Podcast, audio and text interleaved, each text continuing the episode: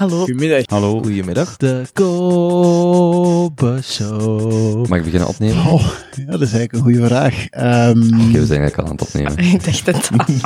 De Kobe Show.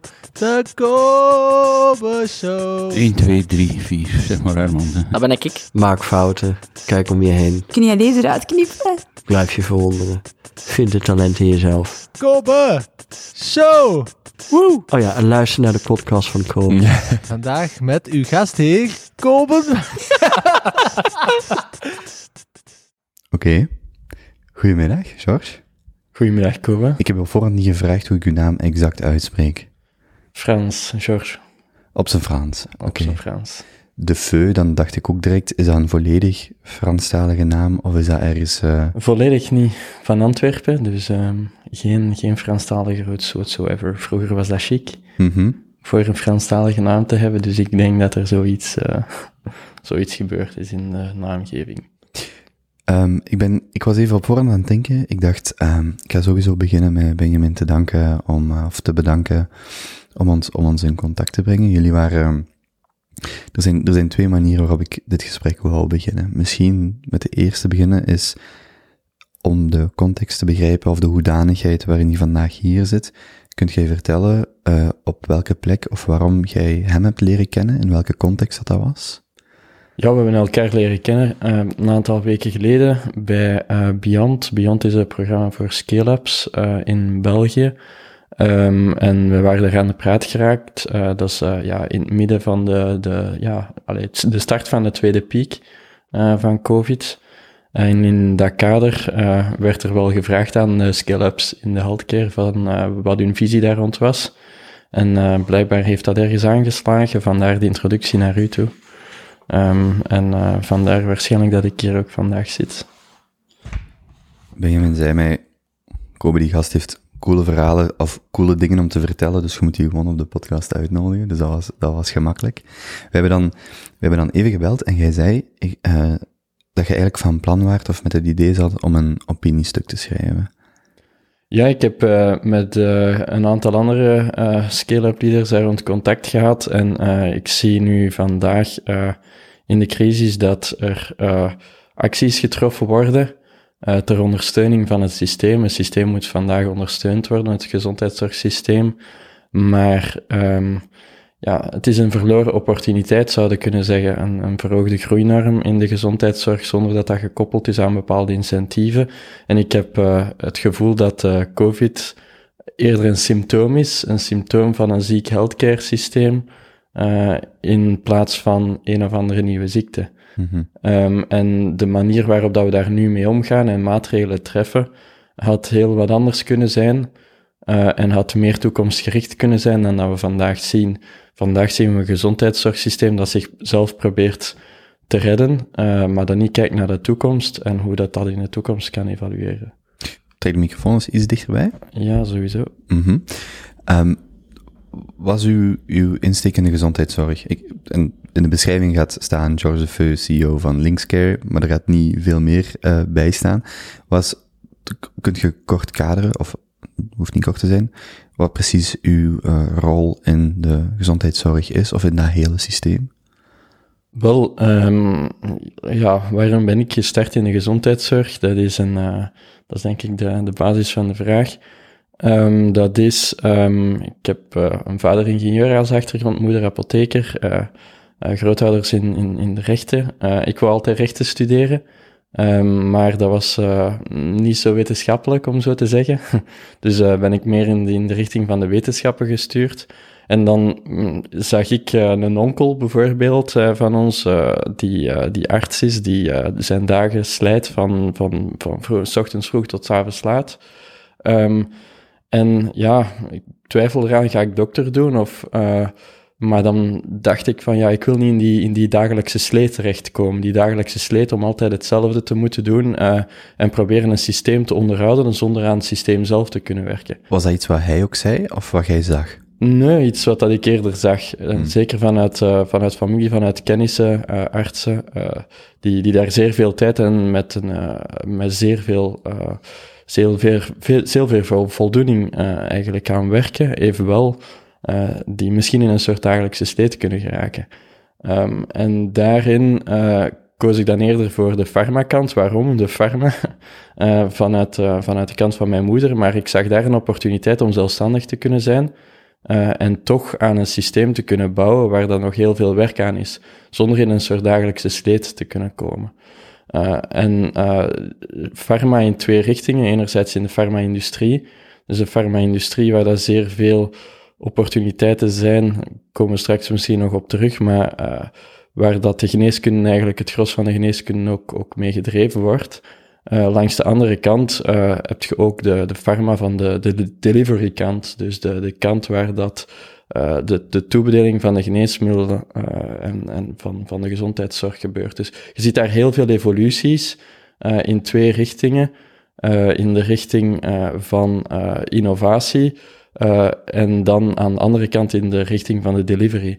Eh, zonder dat je hoeft een, een pion te zijn in, in het systeem. Dus ik dacht, eh, dat is waarom dat ik gekozen heb voor pharma in het begin, maar dan heb ik het niet kunnen laten, ben ik ook wel recht bij eh, gaan studeren. Meer wel de businesskant ook gaan bijstuderen en dan ben ik terechtgekomen waar ik van vandaag zit. Om pharma, dan denk ik direct aan biomedische wetenschappen. Is dat dat dan? Of zijn er, zijn er nog andere op? Dat zijn verschillende, ja. Dus ik heb echt farmaceutische wetenschappen ge- gedaan in Leuven. Je hebt ook biomedische wetenschappen, je hebt eh, geneeskunde, je hebt eh, eh, andere, andere geneeskundige richtingen.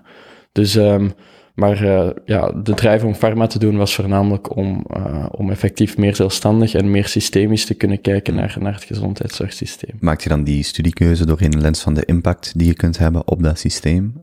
Ja, dat is de grote drijf geweest. Eh, gewoon om, eh, als ik kijk naar het systeem, is eh, er zijn zoveel veranderingen dat er gebeuren in dat systeem.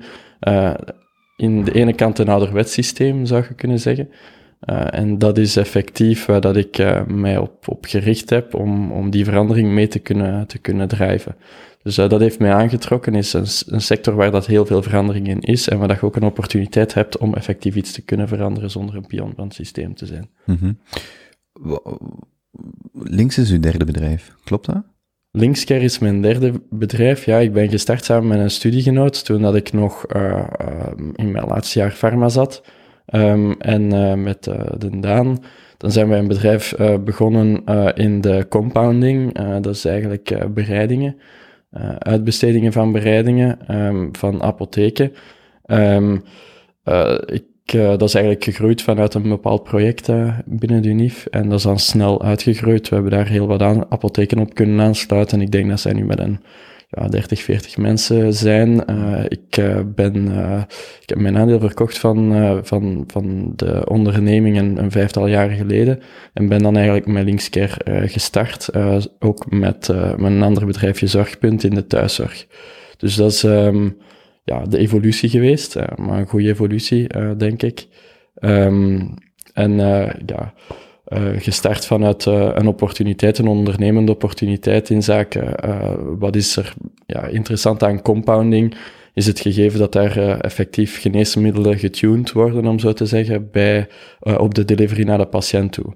Dus ehm, de, vandaag heb je heel wat geneesmiddelen op de markt, maar er zijn soms gaps, bepaalde gaps waar dat de patiënten niet de juiste combinatie van geneesmiddelen of niet de juiste dosering kunnen krijgen. Vandaar dat geneesmiddelen dan soms in de apotheek moeten bereid, toebereid worden. Eh, en eh, dat is eigenlijk een, een opportuniteit waar dat we dan in, ingesprongen zijn om dat op, eh, eh, op grotere schaal te kunnen realiseren. Omdat niet elke apotheek de mogelijkheden of de infrastructuur heeft om die aangepaste medicijnen te leveren. Exact, en omdat dat ook iets was dat meer en meer uit het beroep ging, waar dat het beroep eigenlijk meer en meer delivery is van geneesmiddelen, en dat je daar eigenlijk nog echt eh, een métier hebt, waar dat je je, eh, je, eh, je stiel ten volle kunt tot uiting komen, en waar dat er ook echt een nood is. Ehm, dus dat was een beetje vechten tegen de bierkaai, zou ik zo zeggen, terwijl dat wij nu op de golf zitten met Mhm. Linkscare. Dus het verhaal daar was vechten tegen de bierkaai en ja, helpen om eh, een métier mee in stand te houden, eh, die, eh, die ik zelf heel relevant vond. En die ik nog altijd heel relevant vind. De vraag is natuurlijk hoe dat, dat het beste moet gebeuren. Het klinkt ook alsof je van de, wel, hoe heette dat bedrijf? Eh Qualenica. het klinkt ook als je van Qualenica, van het reactieve, het, het, het verschaffen van geneesmiddelen, naar nu linkskeer het proactieve gaat door misschien het, het, het als ik, ik ga misschien te kort op de bocht, maar waar je eerst begint met, we gaan mensen helpen wanneer ze hulp nodig hebben, en dat bij Linkscare, voor zover ik het bedrijf en, eh, voor zover ik het ken, en als ik ook naar Eric Toppel aan het luisteren was, dat het veel meer gezondheidszorg, veel meer naar het proactieve gaat aan de, aan de hand van AI en andere inzichten. Uh, dat is uh, zeker het geval, zo had ik er zelf niet bij stilgestaan, hmm. maar um, inderdaad, uh, daar zit je meer in een reactieve modus. Bij Linkscare zijn we meer proactief in die zin. Maar de grote motivatie daarin was voornamelijk, ik kom vanuit een, een pharma-achtergrond. Ik heb ook op research instituten in Duitsland gewerkt. En uh, daar ziet je hoe uh, data alles uh, aanstuurt. alles moet gebaseerd zijn op data. Ieder argument dat gemaakt moet worden, moet gebaseerd zijn op data. en het belang van data is onoverkomelijk. Als je dat dan vergelijkt met ziekenhuizen, met de paar interacties die ik heb gehad met de ziekenhuissector, in de familie, buiten de familie, um, dan vraag je af hoe dat sommige dingen kunnen gebeuren. Hmm. Uh, dan gebeuren er bepaalde feiten waarvan je denkt van oké, okay, ik, ik, ben in een, een, een, bevoorrechte familie, om zo te zeggen. We hebben genoeg apothekers, ook zo andere mensen in de familie die van iets weten. Um, en dan gebeuren er zaken waarvan dat je denkt van hoe kunnen die gebeuren, ondanks de positie waar dat wij in zitten. Uh, en wat gebeurt er dan bij al die andere mensen? Uh, en concreet is het dat bepaalde feiten niet, niet opgevolgd zijn, dat er bepaalde uh, diagnose nogal laat gesteld worden.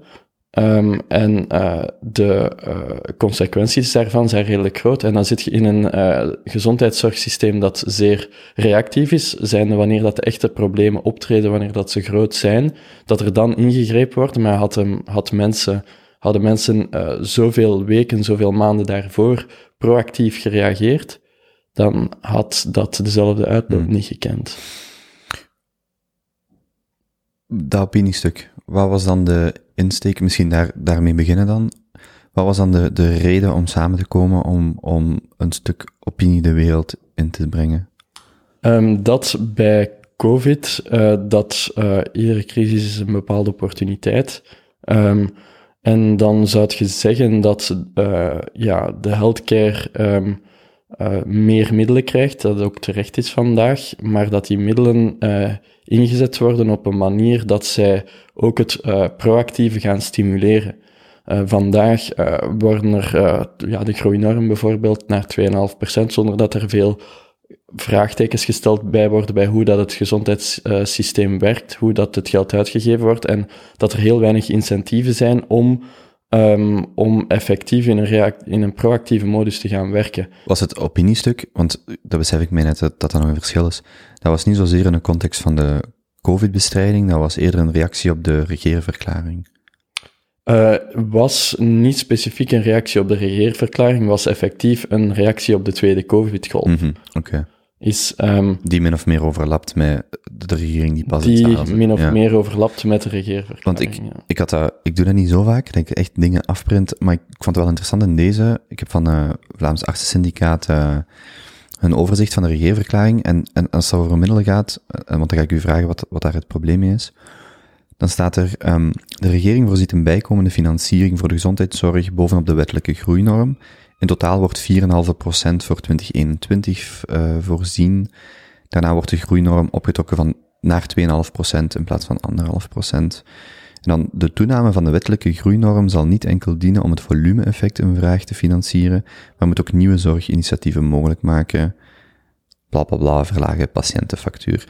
Dus ik lees, als leek lees ik 4,5% en van 1,5 naar 2,5%, maar ik weet eigenlijk niet goed wat dat daar dan het probleem van is. En als ik me herinner hoe dat, ik denk vooral uh, de partijen die dat het meeste wel wilden binnenhalen, de, de SPA vooruit, werd dat zo geportretteerd dat zijn dit is goed. Meer middelen naar de zorg, dat is per definitie goed. Maar als ik u hoor, of als ik het u zou vragen, is het iets gecompliceerder dan louter meer geld er tegenaan smijten en we worden gezonder of ons systeem wordt gezonder. De vraag is of dat wij zo weinig middelen spenderen aan de gezondheidszorg vandaag de dag en of dat die middelen niet beter gespendeerd kunnen worden. Dus uh, er zijn heel wat studies gedaan. Bijvoorbeeld, uh, je hebt ook de State of, the, State of Healthcare van de EU, die ieder jaar gepubliceerd wordt.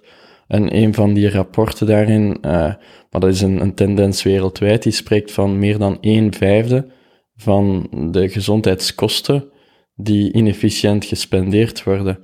Uh, en heel wat uh, bijvoorbeeld operaties die onnodig zijn en Hmm. die worden uitgevoerd vandaag de dag.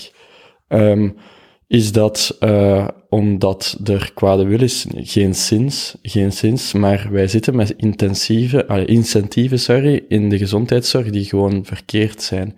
Uh, verkeerde incentieven zijn de pay for performance, zijn de uh, hoe meer operaties dat er worden uitgevoerd, hoe meer behandelingen er worden uitgevoerd, hoe meer dat er gefinancierd wordt. Uh, en niet uh, de incentieven van wat is nu de uitkomst van die behandeling geweest bij die patiënt en laat ons enkel vergoeden het gedeelte wat dat het heeft opgebracht. Zijn de, levenswinst van de patiënt, om zo te zeggen? zijn de, de gezondheidswinst van de patiënt? Uh, het is moeilijk om dat te gaan kwantificeren, maar er zijn een aantal aandoeningen waar dat dan natuurlijk veel beter kwantificeerbaar is dan andere. Hè? Uh, er zijn uh, bijvoorbeeld diabetes, is, is zo'n aandoening waar dat die kwantificatie redelijk eenvoudig kan gebeuren. Hè? Dus de, de waarde HbA1c en andere waarden die, die, die opgevolgd kunnen worden en een verbetering daarvan afgezet kan worden in de vergoeding. Um, Daarnaast ook bijvoorbeeld uh, in, in orthopedische ingrepen bijvoorbeeld zijn de, de uh, mobiliteit van de patiënt en de evolutie daarvan.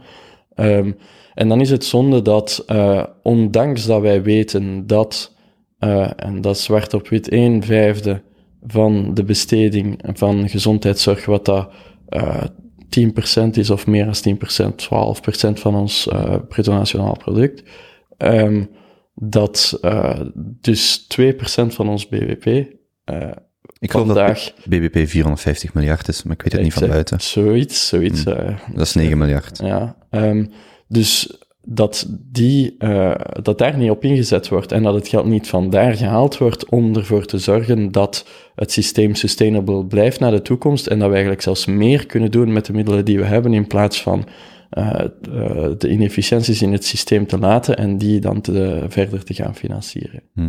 Wacht, aan welke kant of van welke hoek benadert jij het dan? Gaat het uit de optimalisatie van de euro's die er zijn? Gaat het vanuit een aanboren van een heel nieuwe manier van, en dan spreek ik over, ja, over data-aggregatieanalyse, gaat het over een, een, vermeer, een versterking, een afzwakking van medisch personeel? Er, er zijn, opnieuw als leek, er zijn zoveel dingen, of de moeilijkheid die ik ondervind wanneer ik met u praat, is dat zo'n breed topic.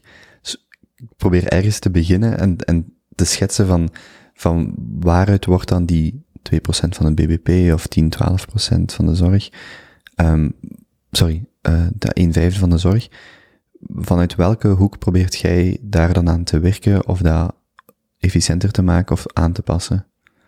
Um, je moet het bekijken van een systemisch gegeven. Wanneer dat er een incentief is voor mensen om meer te doen, uh, meer operaties te doen, meer behandelingen te doen, dan zal dat incentief altijd zijn gevolgen creëren. Uh, er is altijd dan een tendens om iets meer te doen dan strikt noodzakelijk is. En we weten dat in België dat, uh, dat wij niet, geen ongelimiteerde financiering meer hebben. Dus uh, om zomaar te gaan zeggen van we gaan naar een groeinorm van uh, plus, uh, plus 4,5% en dan 2,5% in de volgende jaren, ten koste van wat is dat nog? Er zijn zoveel andere expenditures in, in, in, in het overheidsbudget. En als dat naar boven gaat, gaat er iets anders naar beneden. Hè?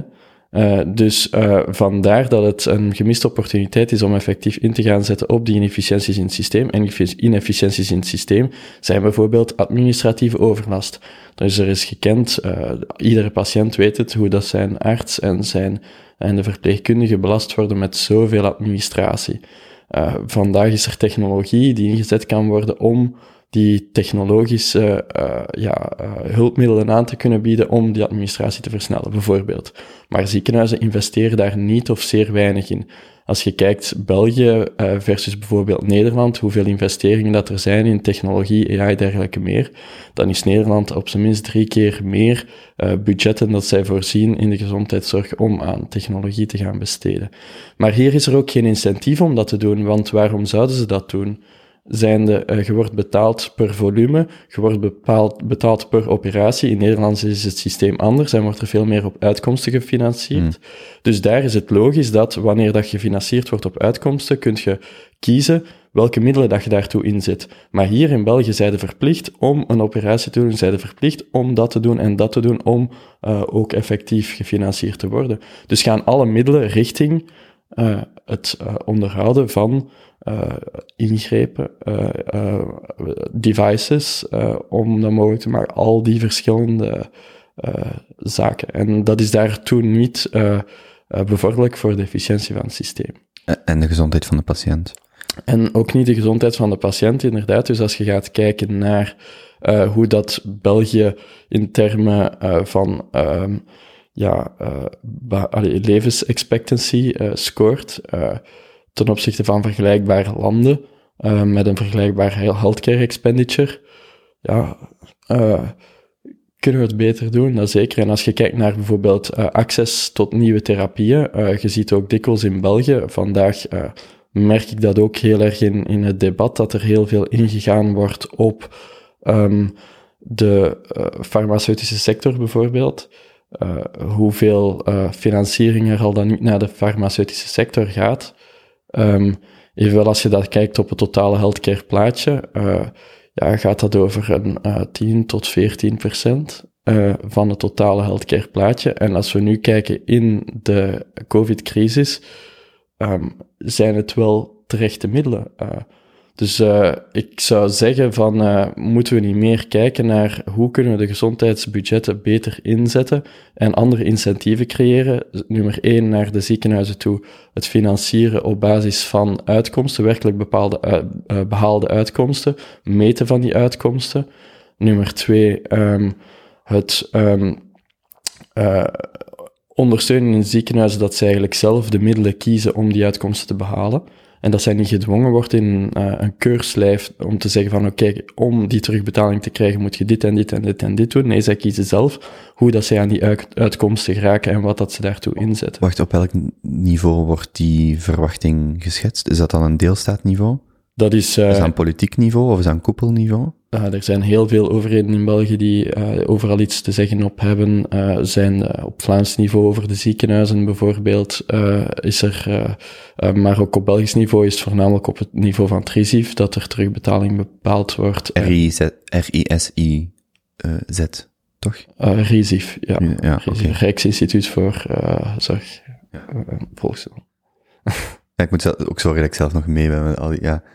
Dus, en het RISIF is een federale instantie, of dat is ook een Vlaamse instantie? Dat is een federale instantie, federale. inderdaad.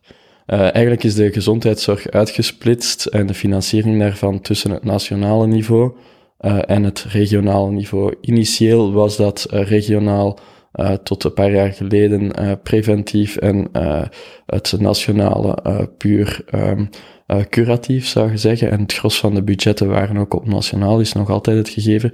Uh, terwijl dat er nu en nu, nu meer en meer van die budgetten uh, na de laatste, na de laatste Hmm. financiering en de staatshervorming zijn overgeheveld naar, naar de regio's toe. Ik ga je misschien vragen om een paar voorbeelden te, voorbeelden te geven van, ik zal het woord pervers gebruiken, perverse situaties voor de patiënt, als gevolg van het systeem van wij hebben. En ik bijvoorbeeld, in het begin van de, de corona-uitbraak, geloof ik dat mijn, mijn, mijn moeder is voetvrouw. En als ik het goed begrijp, want ik zou het eigenlijk moeten factchecken met haar, maar was het punt dat er in het ziekenhuis waar zij werkt geen uh, huisdokter voorpost is. Dus alle zieke mensen komen ofwel via spoed binnen, um, maar niet via een voorpost, omdat er vanuit het ziekenhuis de incentive is dat aan het het verhaal min of meer was dat de anesthesisten eigenlijk die eerste lijn doen, omdat er een financiële incentive is, en daarom is er geen huisposten voor, uh, geen huisartsen voorpost, waardoor dat, dat ziekenhuis zwaar overbelast werd, omdat mensen dan via spoed binnenkwamen.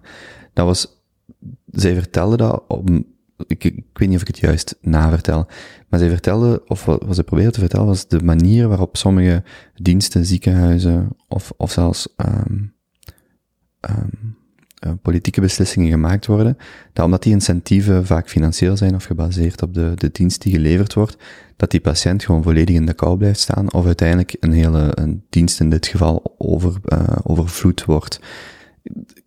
Ik denk dat je over uh, COVID, dat je, ja, iedereen probeert het beste te doen in heel moeilijke omstandigheden en dat je uh, ja, daar moeilijk over kunt oordelen wat dat juist de beste hmm. beslissing was, omdat die op zo'n korte termijn allemaal moeten genomen worden.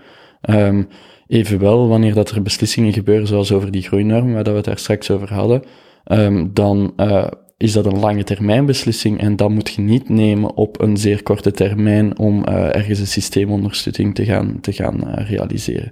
Dus je moet zien, zien en duidelijk onderscheid maken van wat zijn lange termijn incentieven die we in het systeem willen steken en wat is korte termijn.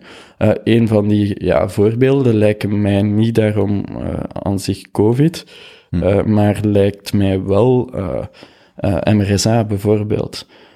Dus dat is een type bacterie, is dikwijls gekend als de, ja, de ziekenhuisbacterie, methicilline-resistente Staphylococcus aureus. En die bacterie die maakt serieuze opgang in de ziekenhuizen. dat is vandaag een beetje ondergesneeuwd um, in zaken het belang. Maar voor mij toont dat wel duidelijk uh, de symptomen die in het systeem zitten. Zijnde, een ziekenhuis uh, wordt vandaag gefinancierd voor het behandelen van die patiënten. dus als die patiënten systemische infecties hebben, staat daar grote financiering tegenover om die patiënt te kunnen ondersteunen en die zijn levenskansen zo hoog mogelijk te maken. Maar er is quasi niets en zeer beperkte financiering voor het vermijden van die infecties toekoer. Er zijn heel wat programma's in ziekenhuizen om die infecties trachten in te dijken, maar wat we naar kijken, als we kijken naar bijvoorbeeld de farmaceutische sector, in zaken investeringen in uh, nieuwe antibiotica, in uh, nieuwe antivirale middelen, is dat gewoon bedroevend. Um, dus je, je zit met een systeem waar dat enerzijds uh, van die type uh, bacteriën in de ziekenhuizen, dat de ziekenhuizen geen incentief hebben, geen, geen core incentief, financieel incentief hebben om, om daar heel veel aan te gaan doen. Wanneer dat een systeem, een zorgsysteem op outcomes was gebaseerd, dan waren mensen veel proactiever en zouden veel meer gaan kijken hoe kunnen we technologie inzetten. En uh, het perverse van het systeem nu is bijvoorbeeld een ziekenhuis dat AI-technologie zou inzetten om uh, patiënten vroeger te kunnen detecteren uh, van uh, een type MRSA-besmetting bijvoorbeeld, dat is gewoon niet interessant voor een ziekenhuis. Waarom? omdat financieel het resultaat is dat zij misschien minder inkomsten gaat hebben. Zij gaat een AI-systeem moeten betalen om hmm. die detectie te doen. Uh, maar de totaalinkomsten van het ziekenhuis gaan misschien dalen, omdat ze zoveel dagen behandeling verliezen. Zo van die perverse systemen bestaan. Dat is een gekend voorbeeld um, in, de, in, in de sector. Um, en dat is zeer sprekend. Uh, maar um, zo bestaan er legio. In iedere type behandeling is dat net hetzelfde verhaal als dit. Is er een bepaalde grens, een grens die overschreden wordt in zaken uh, uh, het aantal. Uh, ja, het aantal cases die, die, die uitgevoerd moeten worden, een aantal behandelingen die uitgevoerd moeten worden om het systeem rendabel te krijgen. Um, dus dat is, uh, dat is denk ik uh, een van de uh, sprekende voorbeelden. MRSA, wat dat er mis is in het zorgsysteem. Mensen, ziekenhuizen zijn niet vrij en, om investeringen in te zetten op op technologieën, op behandelingen die werkelijk iets kunnen doen aan die, aan, aan die type infecties. nummer één, dat is allemaal in een keurslijf. Enkel wat dat er door, de, um, door de overheden effectief goedgekeurd is binnen die behandelingspatronen, die kunnen vergoed worden Uh, langs de andere kant, ehm, dat is dan het ziekenhuisgedeelte daarvan. Langs de andere kant het, het farma-gedeelte daarvan, die de medicatie moeten aanreiken om die infecties te behandelen. Um, omdat de antibiotica en dergelijke zo laag geprijsd zijn, is daar ook nul incentief om medicatie te gaan ontwikkelen om daar iets aan te doen. Dus um, ook die financiering uh, van uh, de ontwikkeling van uh, nieuwe geneesmiddelen uh, met dergelijke COVID-problematiek. We wisten al, die coronavirussen, dat is al lang gekend, dat een dergelijk coronavirus, dat zit in je neus. Wij, wij kennen dat vanuit de dingen. Er zijn testjes dat je dan kunt doen in, dat, dat in iedere medische opleiding gebeuren om te zien. Maar, um, dus er was al lang gekend dat dat, dat, dat virus ja, wel potentieel had om, om iets gevaarlijk te kunnen worden. Uh, maar in de sector is daar weinig uh, in geïnvesteerd om proactief medicatie te gaan ontwikkelen om uh, dat virus te kunnen indijken, moest er iets mee gebeuren. Net hetzelfde als bij MRSA en dergelijke meer, daar is medicatie en dergelijke meer, maar de investeringen zijn daar zeker niet de investeringen die nodig zijn om die problematieken die we weten die op ons afkomen, om die te lijf te gaan. Vraag van een buitenstaander, was de de grootste hefboom in onze zorg, ik hoor ziekenhuizen zeggen, farmaceutische sector, dan zijn er huisdokters als groep. Waar, waar zit misschien de grootste inefficiëntie of waar zit de meeste systemische schade, wil ik niet echt zeggen, maar waar loopt het vooral? Is, moet daar eerst en vooral gefocust worden op de ziekenhuizen dan? Is dat de, de, de centra het centrale orgaan van of de blokkage van het systeem? Nee, uh, zeker niet specifiek. Um, in de ziekenhuizen heb je natuurlijk, uh, is het verschil dat je kunt maken uh, op individuele cases natuurlijk groter, want de complexe patiënten komen in het ziekenhuis terecht met grotere problemen en als je daar iets aan kunt doen, kun je natuurlijk een, een, een, een, een, een groter, groter verschil maken op individuele basis. Terwijl dat als je naar de huisartsen, naar de apothekers, naar, naar alle andere zorgwerkers kijkt, dan kun je voornamelijk iets doen aan het volume. Dus ik zou zeggen, het volume en het inzet op preventie en zo, dat is uiteraard in de kant van huisartsen, geneeskunde en aan de kant van apothekers en aan de kant van alle andere actoren, terwijl dat je effectief naar, als je de, de, de, de, naar, kijkt naar de kosten, uh, de, de huidige kosten, dan zou ik inderdaad ook meer kijken naar, uh, naar de ziekenhuizen en uh, naar de farma. De farma zit voornamelijk dan op de, niet zozeer op het gedeelte van het kostenplaatje, want op het totaal valt het farma-kostenplaatje echt wel mee. maar daar gaat het voornamelijk over de investeringen. Hoe kunnen we ervoor zorgen dat die investeringen ook gericht worden op iets proactief, zijnde uh, de nieuwe geneesmiddelen worden berekend en de budgetten die daarin geïnvesteerd worden op hoeveel patiënten die dat vandaag hebben en hoeveel gezondheidswinst er geboekt kan worden per patiënt daar. Maar wordt weinig rekening mee gehouden met uh, de mogelijke impact die soms ongekend is van die type virussen van, of, of bacteriën zijn. hoe groot gaat MRSA worden binnen dit en zoveel jaren? Dus um, ik denk dat op het niveau van investeringen aan de farmakant moet er serieus gekeken worden. In uh, uh, op het niveau van uitgaven binnen de ziekenhuizen moet er gekeken worden van hoe kunnen we dat zorgen dat die 1 vijfde, zoals in de Europese rapporten en ook in het recent rapport van Deloitte staat, onnodige uitgaven, hoe dat die aangewend kunnen worden om uh, meer ademruimte te maken in het zorgsysteem bij de ziekenhuizen en bij de huisartsen, geneeskunde en de eerste lijn in het algemeen, moet er gekeken worden hoe kunnen we meer inzetten op preventie zonder in hokjes te denken. Zijn de uh, verpleegkundigen, uh, apothekers kunnen ook zorgacties stellen Um, vandaag wordt dat in, in hokjes geduwd en uh, artsen kunnen bepaalde zorghandelingen enkel doen, bijvoorbeeld vaccinaties. In de US is dat al lang dat dat ook gebeurt in, uh, in, in apotheken en, en andere. Um, dus uh, waarom moeten we daar denken in hokjes? we weten dat er een vijfde uh, slecht geconsumeerd wordt in de gezondheidszorg. Dus dat is een zeer groot budget. Als we dat efficiënt gaan inzetten, dat er ook ademruimte gemaakt kan worden op die drie vlakken in het zorgsysteem. Welke rol speelt technologie? Um, technologie is, eh, denk ik, eh, enkel een, eh, eh, een, een middel om, ehm, om tendensen bloot te leggen. Eh zijnde, ehm, eh, waar dat wij met Linkscare mee bezig zijn, is data mining. Eh, zijn de alle bestaande databronnen die er voorhanden zijn om eigenlijk, eh, wij maken geen nieuwe data. Hè. Er zijn veel andere technologieproviders eh, die, die wel nieuwe data maken, zijnde eh met remote monitoring en dergelijke meer. Maar wij gaan kijken naar de bestaande data en die inzichtelijk maken en daar duidelijk eh, eh, de blootleggen van hoe dat het zorgsysteem evolueert. Zijnde, hoeveel patiënten zijn opgenomen geweest, eh, zijn behandeld geweest met eh, die operatie, wat zijn de uitkomsten daarvan geweest, eh, welke technologieën zijn gebruikt geweest. Dat is informatie die allemaal gekend is vandaag, die in de zorgsystemen zitten, maar in heel veel verschillende stukjes en brokjes, die heel moeilijk aggregeerbaar is.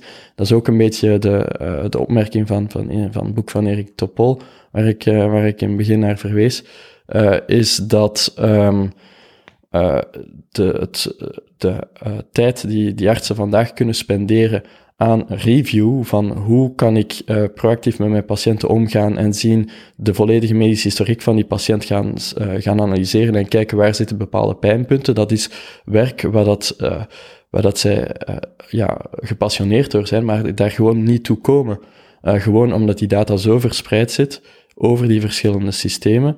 Ehm, en dat technologie nodig is om die bloot te leggen, zodanig dat artsen efficiënter eh, op, dergelijke, eh, op dergelijke, dergelijke acties en preventieve acties kunnen inzetten. Dus dat is één zaak van het verhaal.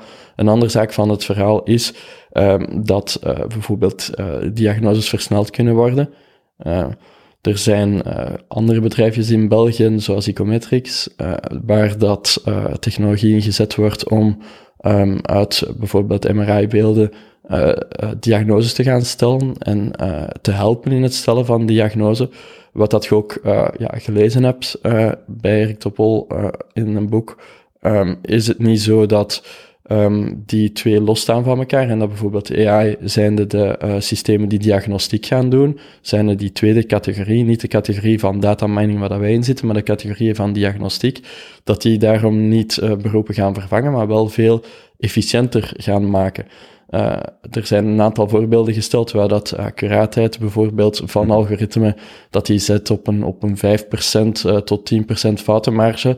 Maar als je uh, kijkt naar um, de combinatie tussen een dokter en een AI-algoritme, een dokter kan een foutenmarge hebben van maar 5%, een algoritme 10%, maar de combinatie daarvan is maar 2%.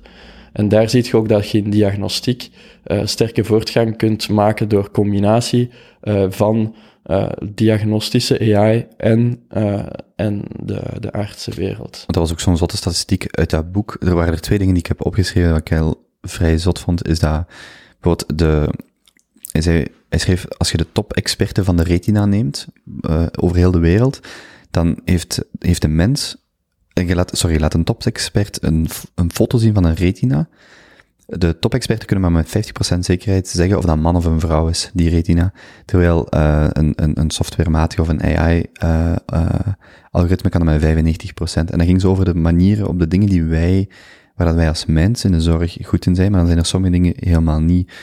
En dat bijvoorbeeld bij, bij uh, een radiologie dat er tot 30% valse negatieven zijn, zodat wanneer een mens uh, een inschatting maakt, om daar zo die, die, die, die verbinding te maken tussen, het is niet of-of, maar het is ergens een, een integratie van die beide, van die technologische of die AI-component en dan de zorgverstrekker of de arts in dit geval.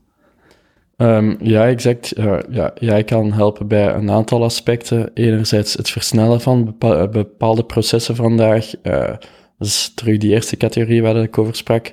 En ten tweede over uh, diagnostiek en linken leggen die een normale mens normaal niet zou leggen. Mhm. Mm -hmm. Dus er zijn ook tal van voorbeelden. Die uh, retina-analyses en zo, die zijn, die zijn redelijk gekend.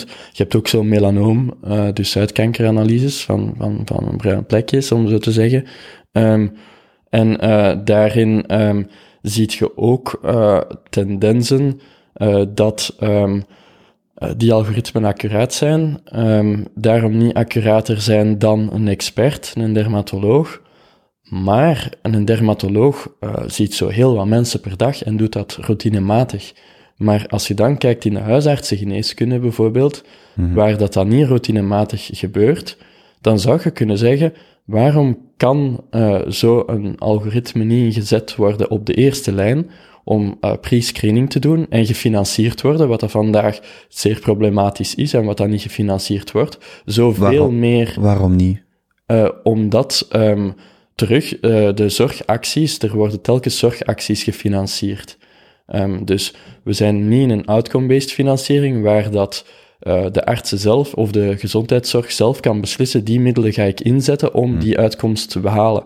Nee, een huisarts wordt enkel gefinancierd, bijvoorbeeld voor een bepaalde consultatie, wordt gefinancierd voor dit, voor dat, maar die wordt niet gefinancierd om een AI-algoritme te betalen, hè, want dat moet dan ook wel gefinancierd worden op een of andere manier. Die zou dat dan out of pocket moeten gaan betalen, om dan uh, dat in te zetten, om dan een verbetering van de zorg bij zijn patiënten te kunnen realiseren.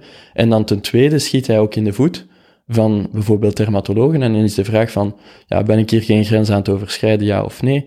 Dus dat, daarin zitten wij vandaag de dag, dat er gewoon uh, financiering wordt, is gelimiteerd. Er wordt alleen maar gefinancierd wat dat effectief volgens het boekje is afgevinkt uh, binnen overheidsorganen.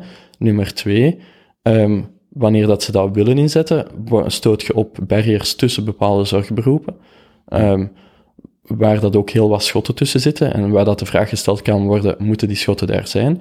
Uh, en er is perfect te denken dat uh, in de eerste lijn die screening gebeurt, zelfs in de apotheek, bijvoorbeeld, uh, op melanomen. En dat wanneer dat er bepaalde alerts zijn, en dat daar ook vergoeding voor komt, en dat wanneer dat er bepaalde alerts zijn in die algoritme, dat er dan meteen een doorverwijzing is naar, naar de experten, naar de dermatologen. Maar bijvoorbeeld een huisarts die vandaag, stel één huisarts voor een, voor een woonzorgcentrum, 50 patiënten of klanten of whatever, 50 bewoners van dat woonzorgcentrum, die arts, of wat ook de instelling is, maar in dit geval die huisdokter, heeft geen enkel incentive om die alle 50 een Fitbit of een of andere tracker aan te doen om preventief te kunnen zien, daar, die heeft al twee dagen een halve graad meer lichaamstemperatuur, dus mogelijk al een besmetting, voordat ik daar over zeven dagen binnenkom en er 10 van de 50 positief testen. Er is geen enkele incentive vandaag, nog van de arts, nog van het zorgpersoneel, nog van de eigenaar, uh, of de, de, de, de, ja, de, de, de, de, de uitbater van het, van het woonzorg, nog van de patiënt, jawel, de enige is de patiënt zelf, maar goed, die botst dan op al die andere schotten. Maar dat is, in ons systeem is daar geen enkele incentive om zoiets te doen. Exact, exact. Heel weinig. Heel weinig. Hmm. En dat is dan een opportuniteit die je hebt tijdens een crisis om te zeggen, wanneer dat we die budgetten verhogen, gaan we eens denken aan die symptomen die we vandaag zien in het systeem. Zijnde, uh, er is weinig ingezet op uh, nieuwe antivirale uh, middelen, op nieuwe antibacteriële middelen. Uh, we weten dat er uh, overconsumptie is in, in, in bepaalde delen van, van het zorgsysteem. we weten dat we miljarden kunnen winnen door die inefficiënties weg te werken. We zitten dan met een overheidsschuld die spectaculair is. En dan beslissen we toch nog om die budgetten op te trekken zonder die andere zaken aan te pakken. Um, dat is iets waar dat, ja, toch iets mis mee is. Want dat gaat ten koste komen van iets anders. En uh, het zorgsysteem moet vandaag ondersteund worden met bepaalde middelen, maar een beslissing maken om die groeinorm naar 2,5% te zetten in de volgende jaren, zomaar is daarom niet de juiste beslissing. Zolang ons systeem, is dan de technische term pay for performance? Of de technische term is inderdaad pay for performance en uh, in contrast met uh, outcome-based uh, mm -hmm. payments. Um, dus uh, value-based healthcare heten ze dat dan, een, een waardegedreven systeem uh, waar dat betaald wordt voor het behalen van bepaalde uitkomsten. Uh, dat is inderdaad wat dat ingezet moet worden. Er zijn bepaalde eerste stappen ingezet door de, de vorige minister, um, door minister De Blok. Maar in de uitrol van dat systeem heeft zij toch wel heel wat bottlenecks gehad. En die daarom ook komen vanuit, uh, vanuit soms de sector zelf, omdat de sector zelf, um, ja, soms uh, door het feit dat zij in dat oude systeem zit, um, soms inkomsten kan verliezen. er zijn sommige mensen die inkomsten kunnen verliezen eh, door zo'n systeem en anderen die er kunnen winnen, eh, omdat het eh, nu eenmaal geënt is op eh, waar dat eh, de zorg het meeste waarde bijbrengt. Ehm, en als je weet dat er 1 vijfde inefficiëntie in zit, dan kan dat bij sommige specialisaties misschien iets hoger zijn dan die 1 vijfde, bij anderen iets lager dan die 1 vijfde. En dan gaat dat van die hogere 1 vijfde overvloeien naar de lagere 1 vijfde. Eh, en dat zijn ja, money transfers waar dat soms op zere tenen getrapt Mhm. wordt. Want bijvoorbeeld ook van Eric Toppel, los even van de privacy discussie, dat is nog een andere.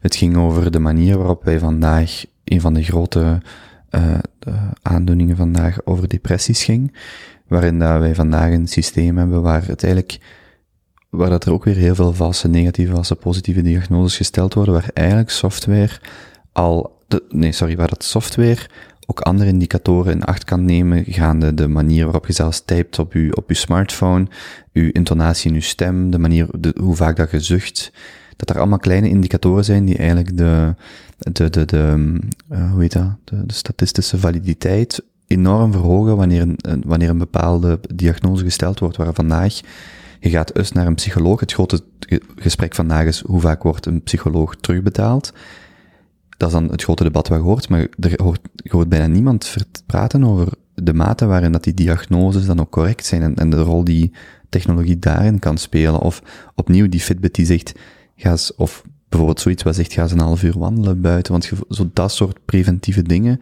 daar wordt amper of niet over gesproken. Ja, dus uh, dat voorbeeld, ja, ik dacht dat het een 80% was voorspellende waarde van, um, van inderdaad hoe dat mensen uh, typen bepaalde, bepaalde expressies. Ik denk dat zelfs op basis van gezichtsexpressies, mm -hmm. uh, dat dat ook uh, herkend kon worden op tot, tot een 80%. En dat is ja, zeer frustrerend in het zorgsysteem. Iedereen weet, ja, burn-out is een, een zeer groot probleem in de maatschappij, bijvoorbeeld.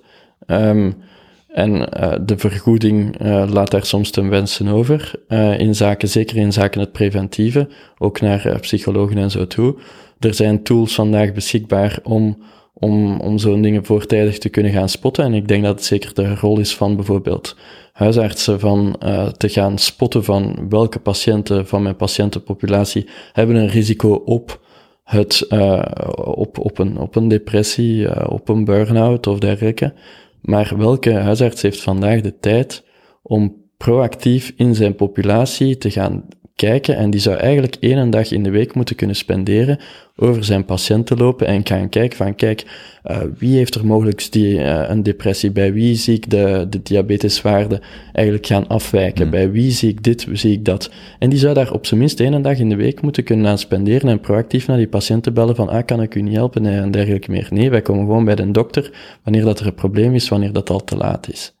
Uh, dus uh, inderdaad, en het zou een dokter daar kunnen zijn die bijvoorbeeld zo van die tools zou kunnen inzetten en zeggen van, kijk patiënt, uh, kun je dat nu eens even doen, kun je, die vragenlijst eens invullen, kun je dat eens doen, uh, en dan, dan weet ik dat ik een betere diagnose sneller kan stellen en dan ook sneller met u kan, kan werken naar het juiste behandelpad. en dat gebeurt er vandaag niet. en terug, die 1 vijfde inefficiëntie, dat is die in één dag, hè. Dus als we die 1 vijfde inefficiëntie wegwerken, dan hebben we de tijd om dat te doen. Uh, en dan is daar niet 1 vijfde meer middelen voor nodig. En ook, ik kan me voorstellen voor veel mensen in de zorg, dat, dat um, de angst is dat technologie een stukje hen desintermedieert of, of contact net vermindert, maar het omgekeerde is waar als jij, net omdat je niet reactief louter weer moet een, een dossier invullen, maar proactief al merkt van oké, hier zijn bepaalde waarden die afwijken. Ik ga die, die patiënt proactief contacteren, dan zit je effectief terug met zorg bezig. Dat is de grote baseline van, uh, van deep medicine, van, van Erik Topol. Daar is dat eigenlijk uh, de, uh, de gezondheidszorg uh, menselijker wordt door het inzetten van technologie. Mensen gaan meer uh, inefficiënties kunnen uitsparen, meer doelgericht werken, meer tools inzetten om direct de juiste actie te kunnen nemen en veel meer tijd hebben om menselijke interactie te hebben in plaats van een consultatie van vijf minuten. Of, mm. uh, dus dat is ook een van de, van de voorbeelden zijn de, 20, 30 jaar geleden was een, een consultatie misschien een half uur tot een uur. Eh, vandaag is een consultatie zeer kort. Terug die eh, zorgsystemen die puur gericht zijn op volume doen. Eh, hoe kan ik zoveel mogelijk heupoperaties doen op een uur? Ehm, bijvoorbeeld. Ehm, daar gaat het niet over. Het gaat erover hoe kan ik bepaalde inefficiënties wegwerken om inderdaad betere uitkomsten te halen. Maar niet om meer volume te kunnen draaien, om eh, meer opbrengst te genereren die niet gelinkt is aan de zorgkwaliteit van een, eh, eh, van een patiënt. Nu, als er dan dat idee kwam voor het opiniestuk ten, naar aanleiding van de tweede golf, waar zat dan bij u of bij jullie de frustratie of de reden om daarover te spreken? De frustratie zat effectief bij de verhoging van die middelen, ehm, die niet gefundeerd is. Ehm, en dat eh, wel gefundeerd in een korte crisis, maar eh, dan heb je ook kortstondige middeleninjectie nodig. Eh, en eh, een gesprek met de sector op nummer twee, op vlak nummer twee, om te zien hoe gaan we die middelen inzetten op de lange termijn. Maar die combinatie van die twee maken, ja, ook, het, het was ook duidelijk in de sector, niemand zit te wachten op die kleine bonus, bijvoorbeeld voor, de, voor het zorg, eh, zorgpersoneel. Eh, die kleine bonus die daar gegeven wordt, iedereen zit te wachten op structurele maatregelen in het systeem.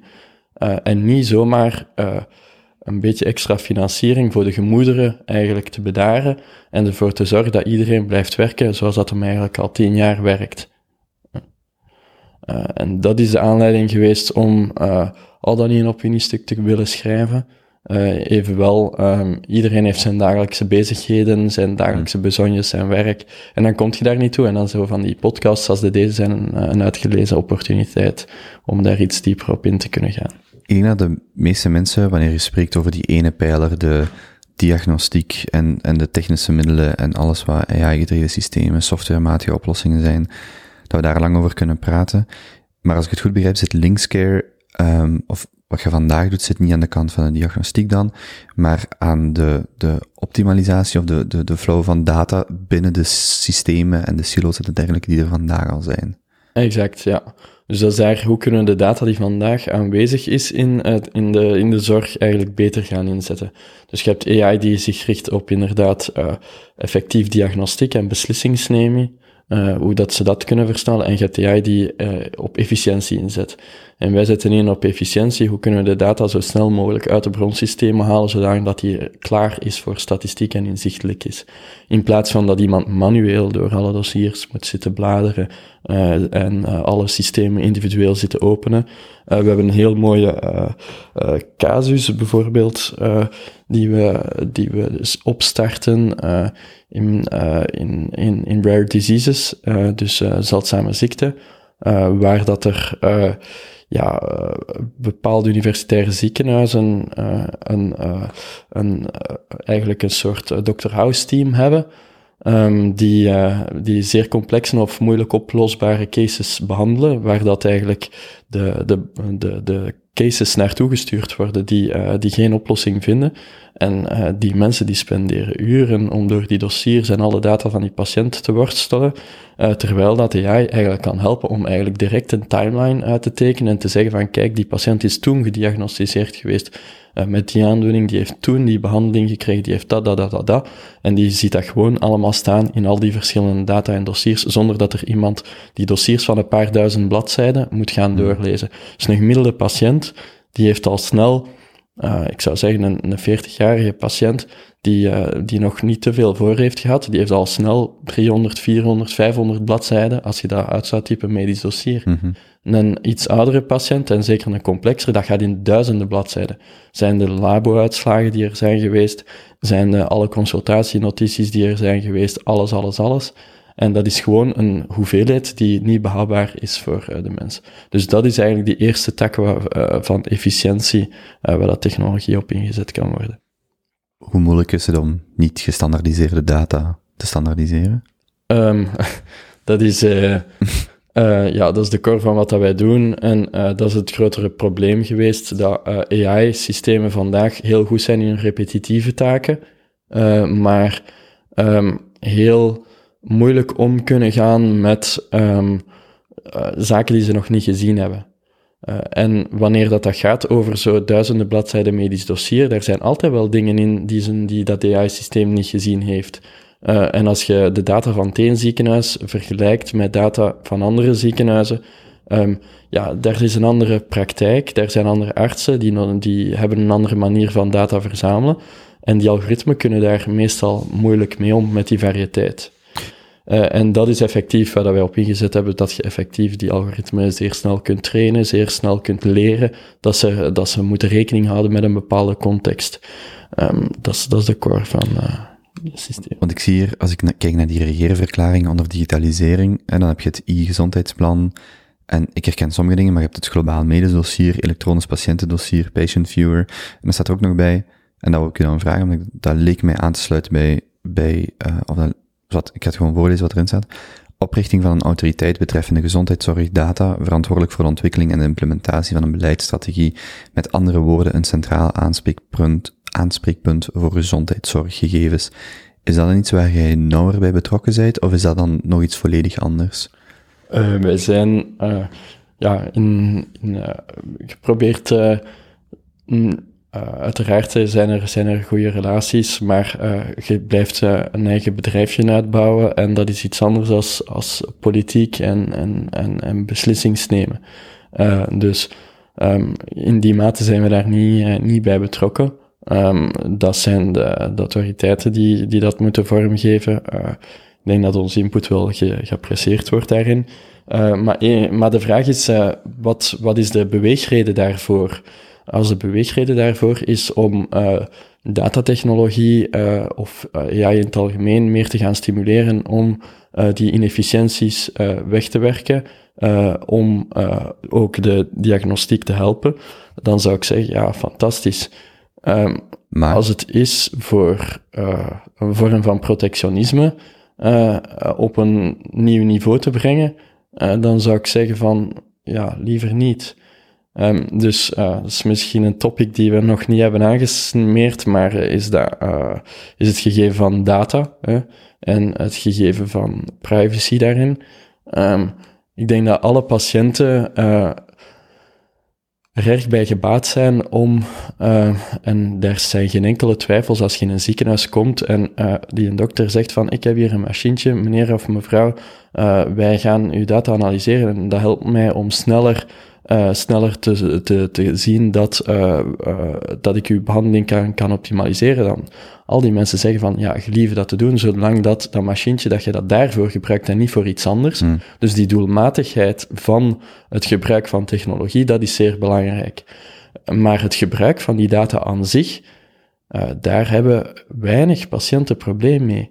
Dat is om hun te helpen, uh, om uh, diagnostiek te versnellen, om hun sneller bij de juiste behandeling te krijgen, om, om meer patiënten te kunnen behandelen op, een, op eenzelfde tijd met een besteding van de middelen die er vandaag zijn. Daar heeft niemand een probleem mee. Dus het is eigenlijk de doelmatigheid die van belang is.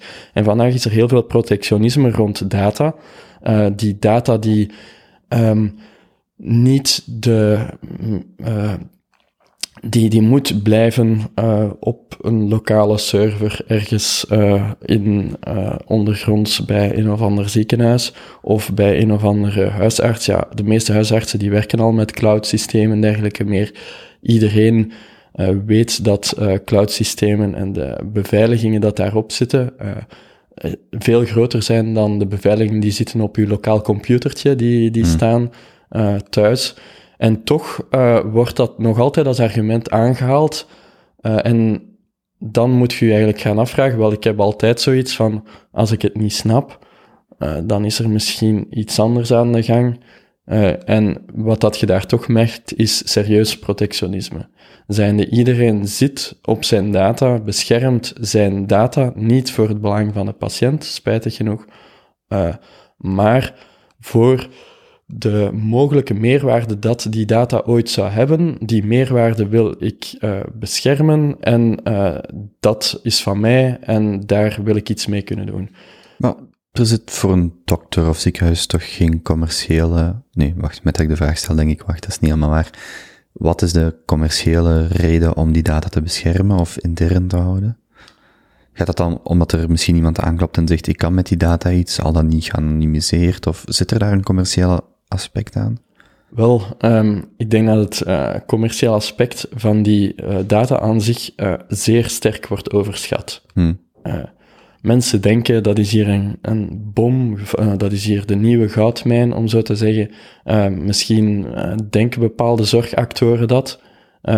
Misschien denkt, denken zelfs bepaalde instanties dat, van oké, dit is de, de, de methode als we die data gaan commercialiseren eh, om, het, eh, om de financiering van de zorg op punt te halen en dergelijke meer. Eh, nee, die data aan zich is weinig waard.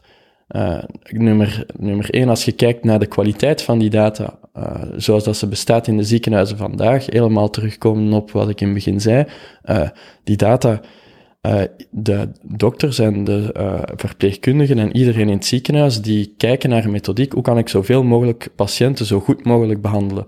En data daarbij is secundair. Eh, eh, eerst is het behandelen van de patiënt. Dus hoe dat die data in het zorgsysteem zit eh, en in de ziekenhuisinformatiesystemen, ehm, eh, die kwaliteit is daarvan niet perfect, maar dat is ook niet hun hoofdbezorgdheid. Dat zou het ook niet moeten zijn. Die moeten niet zoveel uren en iedere nacht, eh, mijn huisdokter om zo te zeggen, die, die werkt, die werkt ongelooflijke uren. Ehm, en eh, die, die zei tegen mij, ja, eh, ik, ik stop om zeven uur, maar dan daarna werk ik nog tot, eh, tot elf uur iedere dag, hè, inclusief de zaterdag, werkt die eh, om eigenlijk al haar data naar eh zorgsysteembeheer eh, te kunnen gaan doen. Dus de data aan zich in het zorgsysteem die er vandaag is, de kwaliteit daarvan is niet zo hoog. Hè? Eh, nummer twee, je moet eh, die kwalitatief maken, dat is een deel wat dat wij doen. Maar dan nog, als je dan kwalitatieve data hebt, dan is het gegeven van wat ga je daar dan mee doen? En wat dat je daarmee gaat doen, is de zorg gaan verbeteren. En als jij met die data ehm, kunt eh, bepaalde zorgacties gaan, gaan verbeteren, sneller patiënten identificeren, maar daarvoor moeten dan nog algoritmen getraind worden. Dus mensen denken van vanaf dat die data goed is en op punt is, dan is dat een goudmijn. Eh, dat is het geen sinds. Eh, eh, het is wat dat je daar dan als vervolgstap mee gaat doen en hoe dat je gaat het zorgsysteem helpen en zorgen dat de zorg van de patiënt beter wordt. Ehm, en dus, ik denk dat daar eigenlijk die, die eigenaardigheid zit, en dat is ook een deel in onwetendheid, zou ik durven zeggen, ehm, in de sector, is ehm, dat data aan zich niks waard is, en dat eh, eh, eh, je voornamelijk moet gaan kijken, oké, wat kunnen we daarmee gaan doen? En eh, dus nu vandaag de schotten die worden gezet tussen eh, heel veel zorginstanties, mensen, wanneer dat mensen dat zouden beseffen, zouden zij zeggen van, kijk, hoe kunnen wij samenwerken om data, samen iets met data te gaan doen? Eh, en nu is het eerder van, hoe kunnen wij onze data beschermen, want die data is veel waard. En dus ik zet mijn schotten op eh, om die data te beschermen. Nee, juist niet. Werkt samen, want hoe meer data je kunt poolen, hoe meer dat je daar ook inzichten uit kunt halen. En het zijn die inzichten die iets waard zijn. Kan iets waard zijn is enkel in de zin dat het het zorgsysteem kan verbeteren. Mhm. Als jij naar de overheid kunt stappen en zeggen van kijk, wij hebben gezien dat bij die patiënten met die aandoening, dat wij altijd die complicatie hebben. En wij kunnen die actie doen, we hebben dat gezien in de data, om die complicatie te vermijden. Daardoor gaan er zoveel minder patiënten die complicatie hebben. Oké, dan gaat de overheid zeggen, zeer goed gezien, wij willen daar misschien iets voor gaan vergoeden. Um, en zo kun je bouwen aan de toekomst van morgen, maar doordat iedereen op zijn eigen datapool gaat zitten en die zo klein mogelijk en zo klein dingen, zijn die data van de dokters, of zijn die data van het ziekenhuis, of zijn die data van de overheid, nobody cares. Hm. Um, het gaat erover wat doen we met die data, om daar inzichten uit te halen en vervolgens uh, te zorgen dat uh, we die inefficiënties kunnen wegwerken. En hoe meer inefficiënties dat we wegwerken, hoe meer budget dat er vrijkomt. Trouwens, is het hier te koud? Nee, nee, nee. nee. Oké, dat was Nee. Maar als je dan bijvoorbeeld, als je dan bijvoorbeeld ziet dat zo'n eh, een nieuwe autoriteit wordt opgericht, is dat dan, of een centraal aanspreekpunt?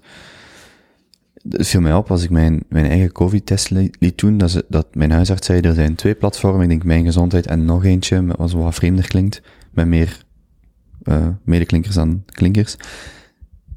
Als patiënt heb ik daar, of, of als burger, en deze als patiënt heb ik daar zelfs geen, geen weet van, van wat eigenlijk het geheel aan mijn data is. Ik weet zelfs niet waar ik zou moeten beginnen. Is dat deel van het probleem dat een patiënt, en ik moet dan ook denken aan wat uh, die uh, Erik Topol beschrijft van het feit dat uh, er heel wat fouten ook sluipen in um, de data die een huisdokter bijvoorbeeld ingeeft, het feit dat een patiënt daar geen controle op heeft, of daar geen afschrift van krijgt, of daar geen, geen middelen heeft om, om, om uh, correcties aan te brengen. Ik heb zelfs als, als patiënt, of dat is dan een brede vraag, zelfs uh, geen overzicht van eigenlijk wat dat er allemaal aan medische data een beetje zit in het ziekenhuis, bij de kinderarts daar, een beetje bij mijn vorige huisarts, dan een beetje bij mijn huisarts hier ik weet zelfs niet waar ik een overzicht zou vinden van, van al mijn data bijvoorbeeld. Want ik zou misschien liever nog zelf naar een bedrijf stappen en zeggen, kijk, dit zijn mijn bloeduitslagen van de laatste tien jaar. Dit zijn mijn rapporten, dit enzovoort enzovoort. Doet jij maar de analyse wat jij denkt dat met al dan nog een genetische test of wat dan ook. En doet jij maar de analyse, want aan wie kan ik het anders vragen wat mijn mogelijke genetische uh, valkuilen of, of, of um, voorspellingen zijn.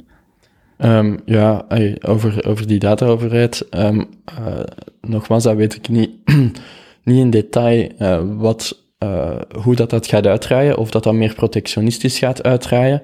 Of dat dat meer als enabler gaat uitdraaien. Ik denk uit, ja... Mag u aanvoelen? mijn aanvoelen is dat het 50-50 is vandaag. er zijn evenveel evenveel um, tendensen die aan het één touwtje trekken, die het in die richting kunnen doen opgaan, uh, dan dat er tendensen zijn in de andere richting. En uh, soms heb ik het gevoel dat er zelfs iets meer tendens is in, in, in, de, in, de, in de richting van protectionisme. Hmm. Ja. Dus um, dat is over uh, uw vraag van, van die dataoverheid. Gaat hij ervoor zorgen dat, uh, dat de patiënt meer inzichten kan krijgen in data? In België hebben wij een zeer, uh, als wij kijken naar, naar hoe dat data uitgewisseld worden, dan mogen wij redelijk trots zijn. Um, zou je misschien niet zeggen. Patiënten zijn misschien soms gefrustreerd als je op mijn gezondheid inlogt en dergelijke meer. Dat het allemaal er zo niet fantastisch uitziet en zo. Dat dat beter kan. Maar als je dat vergelijkt met bijvoorbeeld in de Verenigde Staten, dan zijn wij hier, ja, daar gebeurt nog alles met de fax, letterlijk. Dan zijn wij hier wel heel wat voor. Uh, wij zijn uh, uh, achter op de Noorderse landen in Europa. Hè. op de Nordics, op Scandinavië, daar zijn we achter. Maar we zijn voor, ver voor op de rest van de wereld. Dus de uitwisseling van die data in België is redelijk goed. Mm -hmm. um, de vraag is, wat wordt er uitgewisseld? Um, en daar zijn soms, um, en dat ziet je als patiënt als je inlogt, ja, sommige zaken kun je niet zien of uh, heb je niet, maar dan is het aan de patiënt om daar meer vragen over te stellen. Ik denk dat uh, alles vandaag uh, in werk is gesteld in de laatste paar jaren. Bijvoorbeeld met, die, met dat platform van, van Mijn Gezondheid, dat je heel efficiënt kunt inloggen op de databronnen die er zijn. Van één toegangspoort meteen kunt inloggen op de verschillende databronnen. Dat je daar als patiënt ja, nu veel meer controle op hebt. Uh, en dan is er denk ik wel een goede tendens aanwezig in de sector die daar dat eerste zaadje is geplant, is van dat de patiënt dat tenminste kan zien en de patiënt zal wel beginnen vragen, ah, waarom zit dat er niet in? Of waarom zit dat er niet in? Of uh, waarom ziet dat er zo uit? Waarom is dat zo ouderwet? En die vragen die de patiënt uh, stellen, zullen heel dat systeem vooruit brengen. Dus ik heb eigenlijk niet veel zorgen over uh, het beschikbaar stellen van data aan patiënten. Mm uh, daar denk ik dat, uh, dat we voorlopen op de rest, allee, op, op een groot stuk van de wereld. en het kan er alleen een beetje beter uitzien. en er kan meer data worden opengesteld, maar de tendens zit goed. En vandaag voor, voor een Belg is mijngezondheid.be de centrale bron van zijn of haar gezondheidsdossier. Ja, dus hoe dat, dat eigenlijk uh, zit in België, is dat eigenlijk data uh, in de, uh, bijvoorbeeld ja, heel veel data van huisartsen, ziekenhuizen en dergelijke meer, die worden geconnecteerd aan zijn de bepaalde hubs, heet dat dan. en ehm, dat zijn eigenlijk, uh, ja, je hebt, uh, je zou, het is niet echt per provincie dat dat wordt opgezet, dus er zijn een aantal hubs in België en die bewaren eigenlijk uh, waar dat er data gestockeerd is. Dus dat wil zeggen, in die hub is er gekend, ah, oké, okay, de patiënt is bij die en dokter geweest in dat ziekenhuis en dat ziekenhuis heeft bepaalde data. Hè?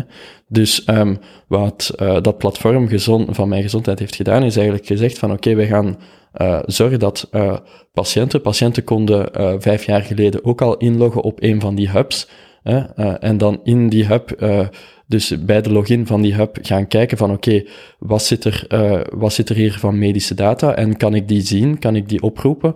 Aan die hub vragen, roep dat eens op in het ziekenhuis dat ik dat even kan raadplegen en kan zien. Dus dat was al zoveel jaren geleden ook mogelijk, maar dan moest je in gaan loggen op al die verschillende hubs. Je moest je inloggen op de hub van Leuven, op de hub van Gent, op de hub van Brussel, op de hub van in, in Wallonië. En ehm, ja, dat is nu veel gemakkelijker. Eén centraal inlogpunt. Je kunt meteen doorstromen naar die verschillende hubs en je kunt die data gaan raadplegen. Dus daar zit het probleem niet. Ehm, dat is een hele goede tendens. Daar zitten de incentieven juist. Eh, en dan is de vraag alleen ook nog, ja, in welke mate kan die data gebruikt worden? Vandaag wordt die data in een formaat ter beschikking gesteld eh, naar de patiënt toe. ehm, die niet zo bruikbaar is altijd. Hè? Dus eh, je kunt niet zeggen, ah, ik heb, eh, ik heb een bepaalde app. Eh, je moet natuurlijk wel opletten met, die, met al die verschillende apps. Dat moet een beetje gevalideerd zijn, moet de juiste dingen zijn. Maar het is aan de patiënt om zelf de beslissing te maken. En als die patiënt zegt van, oké, ik heb hier deze app die mij daarbij kan helpen. Ik wil eh, een stukje van de data gebruiken vanuit, eh, vanuit mijn gezondheid. Ja, dat, die mogelijkheid is er gewoon niet. Want er zijn geen connecties, daar, zijn geen open, daar is geen openheid. En dat is iets waar dat dan nog wel aangebouwd gaat moeten worden, zodanig dat die data meer interoperabel is. Eh, in de US is daar veel aangebouwd met nieuwe standaarden zoals FHIR en dergelijke meer, om die data sneller uitwisselbaar te kunnen maken naar bepaalde apps en dergelijke meer toe. Maar dan moet er wel een goede controle zijn op eh, wie dat, dat gebruikt en dergelijke meer. Wie zijn vandaag de klanten van Linkscare? Ehm, vandaag, ja, eh, eh, eigenlijk de ziekenhuizen zijn de grootste klanten van de... we werken eigenlijk altijd voor ziekenhuizen. Ziekenhuizen zijn onze opdrachtgevers. Ehm, dan ehm, is de vraag van in welke mate eh, gebruiken de ziekenhuizen de data eh, die, die wij voor hun eh, helpen te ontsluiten. Ofwel voor ehm, ja, intern zorgkwaliteitsbeheer. Dus dat zijn echt een aantal ehm, gedreven artsen die eh, daarmee gestart zijn. Eh, we zijn eigenlijk operationeel eerder gestart een drietal jaar geleden zo, bij de eerste ziekenhuizen. Ehm, dus daar is een aantal, ja, een zeer proactieve orthopedisch chirurg eh, bij, met een heel departement, en een zeer proactieve cardioloog. Dus je hebt zo, we zitten ondertussen in een dertigtal, dertigtal ziekenhuizen, maar ook in, ook in het buitenland. Ehm, maar eh, dat gaat uit enerzijds van het, eh, het privaat incentief van die artsen om de gezondheidszorg te verbeteren. Zoals ik zei, van die artsen hebben geen incentief om, eh, of die hebben ook geen, geen vergoeding om hun data goed te gaan gebruiken en om die inzetten voor de zorg te verbeteren. Dus de artsen die met ons initieel gestart zijn, zijn effectief gestart van een pure motivatie om uit hun eigen zak technologie te gaan financieren om de zorg van hun patiënten te verbeteren, zonder dat zij daar zelf noodzakelijkerwijs eh, een, een incentief voor krijgen.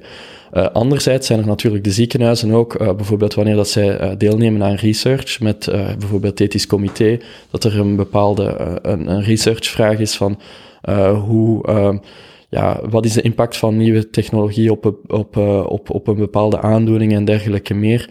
Eh, dat is iets waar dat dan het ziekenhuis en het ethisch comité eh, samenwerken met bijvoorbeeld industriële partners, zoals farmaceutische industrie en dergelijke. Maar ehm, daar zit dan een controleorgaan tussen, zijnde dat ethisch comité die checkt van oké, gaat dat hier effectief over wetenschappelijk onderzoek? Nummer twee, eh, wordt daar ook nooit data uitgewisseld bij, bij die zaken. Dus dat is ook zo'n grote misvatting die bestaat in, in, eh, in, in, in, in het hele verhaal, is van, ehm, ja, er is no way ehm, dat, eh, dat data wordt uitgewisseld naar partijen waar dat de data niet mag komen. En ik denk dat de overheid zich voornamelijk moet con- concentreren op eh, de doelmatigheid van het gebruik van die data. Eh, dus de GDPR is een fantastische wetgeving. Ik, veel mensen hebben daar commentaar op, maar dat is mijn zinziens niet terecht. Dat is misschien omdat de doelstelling waarvoor dat zij die data willen gebruiken niet aansluit bij de doelstelling, de originele doelstelling van de patiënt. Hmm. Ehm, en eh, dan zou je misschien commentaar kunnen hebben op de, op de GDPR. eh, als je dat voor iets anders wilt gebruiken dan dat de patiënt eigenlijk wilt. Maar vanaf dat jij, van, van zodra dat jij dat eh, wilt gebruiken binnen die doelmatigheid, zijnde het verbeteren van de zorg, dan legt de GDPR weinig limitaties op. En dat is ook maar logisch.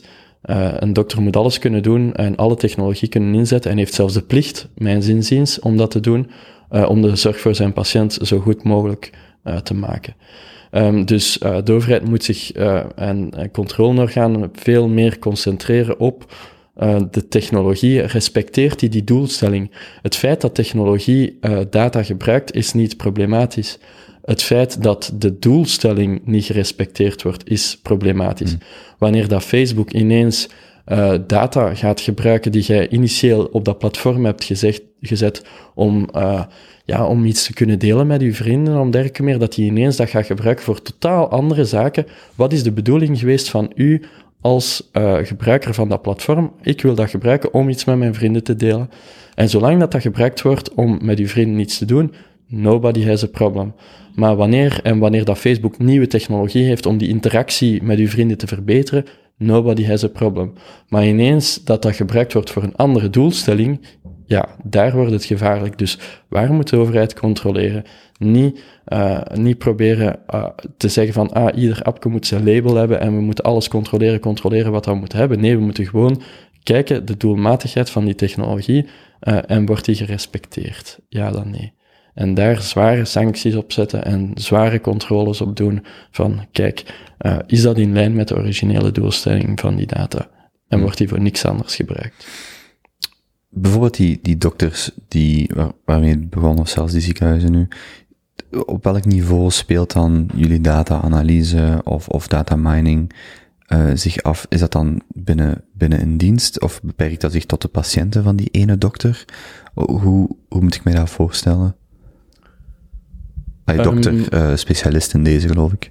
Ja, dat is, eh, dat is inderdaad eh, in, in welke mate dat ze, dat ze de technologie willen inzetten.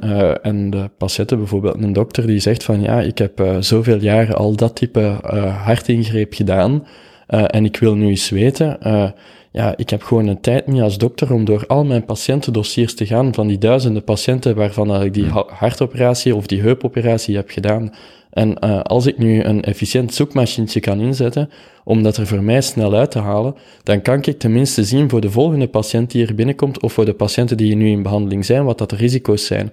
Van te zeggen van, ik heb die operatie nu gedaan bij die patiënt vorige week, maar Ehm, ja, ik, ja eh, ik had heel graag wel eens gekeken naar alle data en alle operaties die ik vroeger heb gedaan en gezien van wat zijn daar de risico's bij, bij mij hier in het ziekenhuis. Je hebt dan wel sommige eh, studies, wetenschappelijke studies.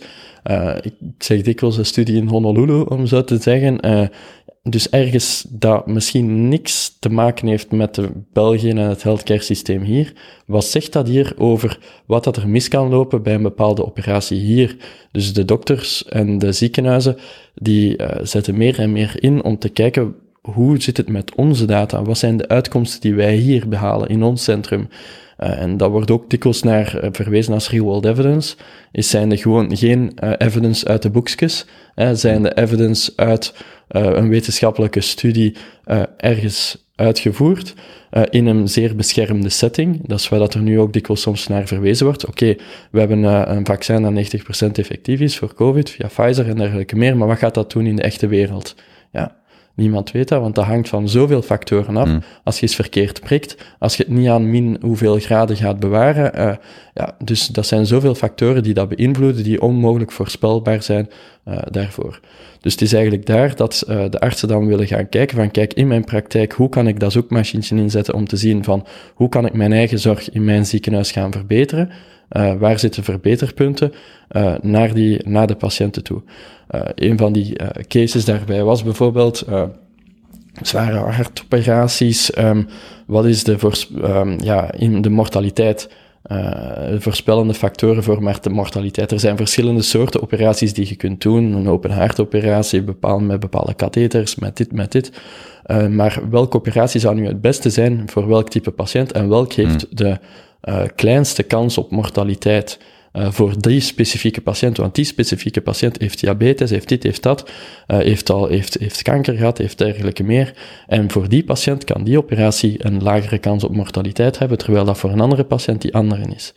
Maar nu zit je dan, als je het zo vertelt, zit je toch opnieuw silo's aan het bouwen, afhankelijk van de dokter, chirurg, ziekenhuis dat dat wilt. En dan, dan impliceert dat toch dat het weer van de dokter afhangt en niet op een systemisch niveau verbetert. Eh, Want dan, wel, moet ik als, dan moet ik als patiënt al bijna mijn dokter beter gaan kiezen, die bijvoorbeeld hulp gebruik maakt van eh, AI of, of, of een data mining systeem, Mhm. wat toch, dan is, er, dan is er toch geen democratisering van die technologie voor Nee. alle patiënten. Exact, dat is, dat is zeker het problematische daarvan. Is En ik van, bedoel, dat is, eh, dat is geen verwijt naar jullie toe, maar nee, dat, nee, is nee, wel- nee, maar dat is dan de reflectie dat ik direct Nee, maak. ik heb net dezelfde reflex. ehm, eh, is, ja, eh, die, wij zijn geen gadget. Eh, dus wij zijn geen gadget voor een of ander ziekenhuis om zich te profileren als zijnde ik gebruik AI. Hm. Nee, wij zijn daar om de zorg te verbeteren en om effectief die inzichten daaruit te halen.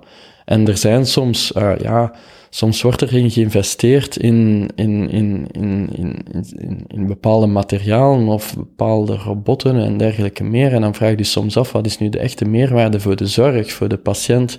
In gigantische investeringen voor, eh, ja, ehm, bepaalde eh, radiotherapie of dergelijke meer.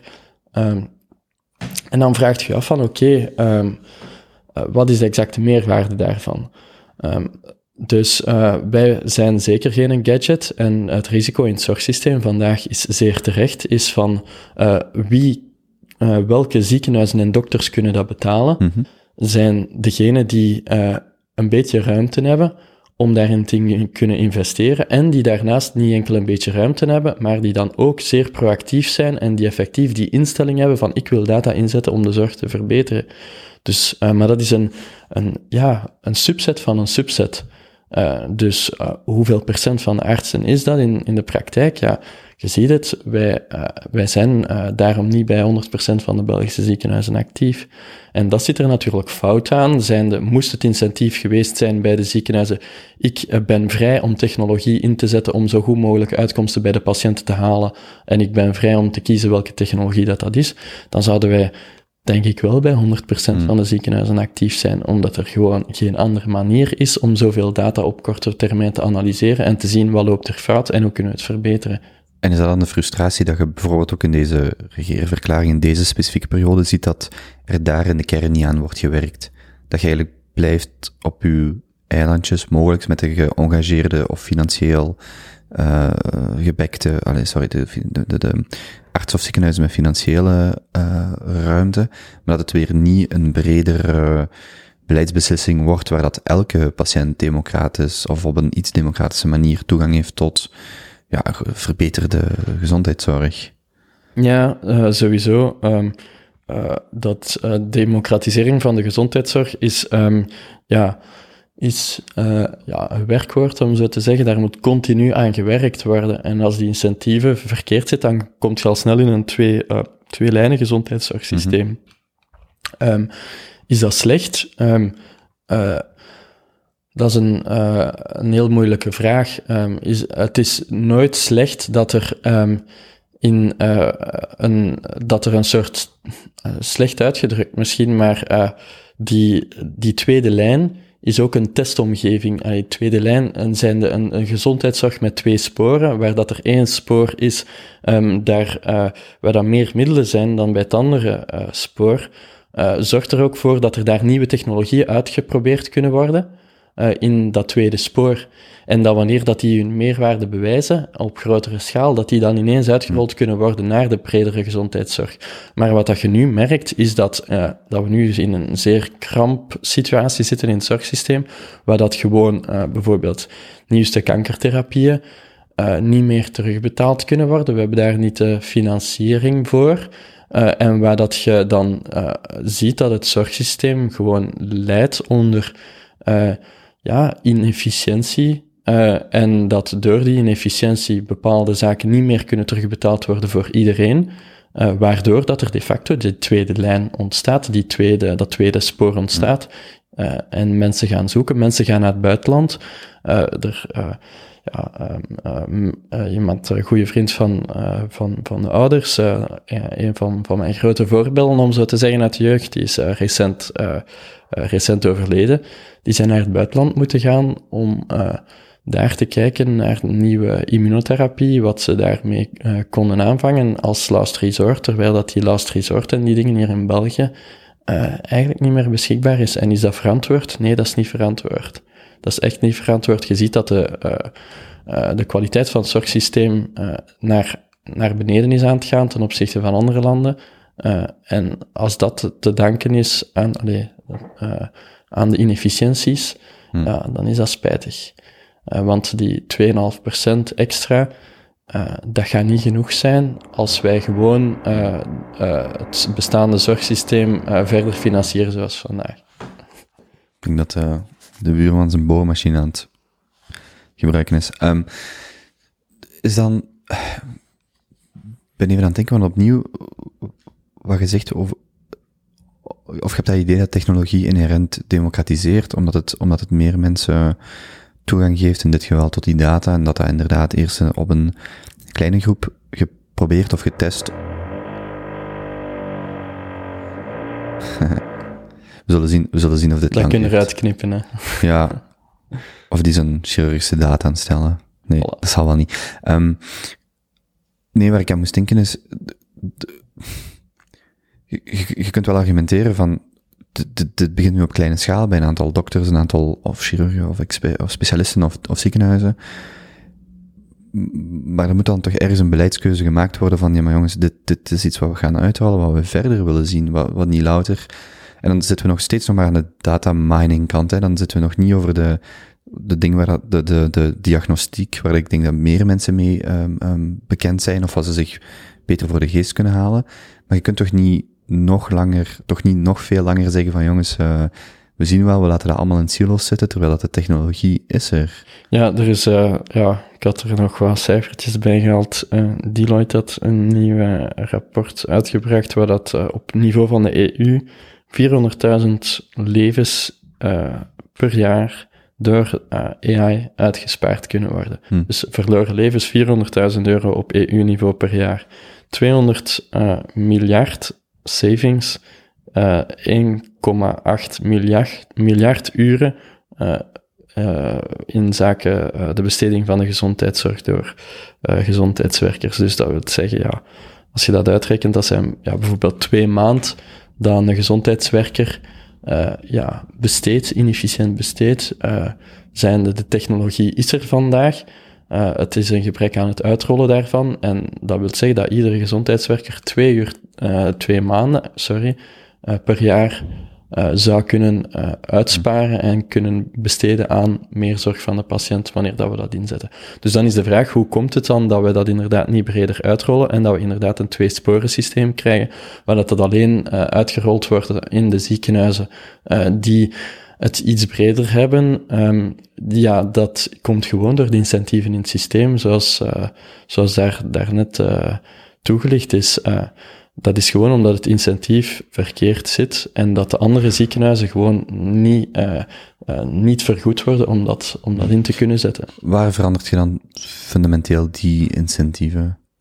Um, dus uh, concreet uh, bij uh, het behalen bijvoorbeeld een hartoperatie wordt uitgevoerd en overlevingskansen van hartoperaties zijn een van de succesfactoren natuurlijk, spijtig genoeg, want het zijn zeer zware operaties.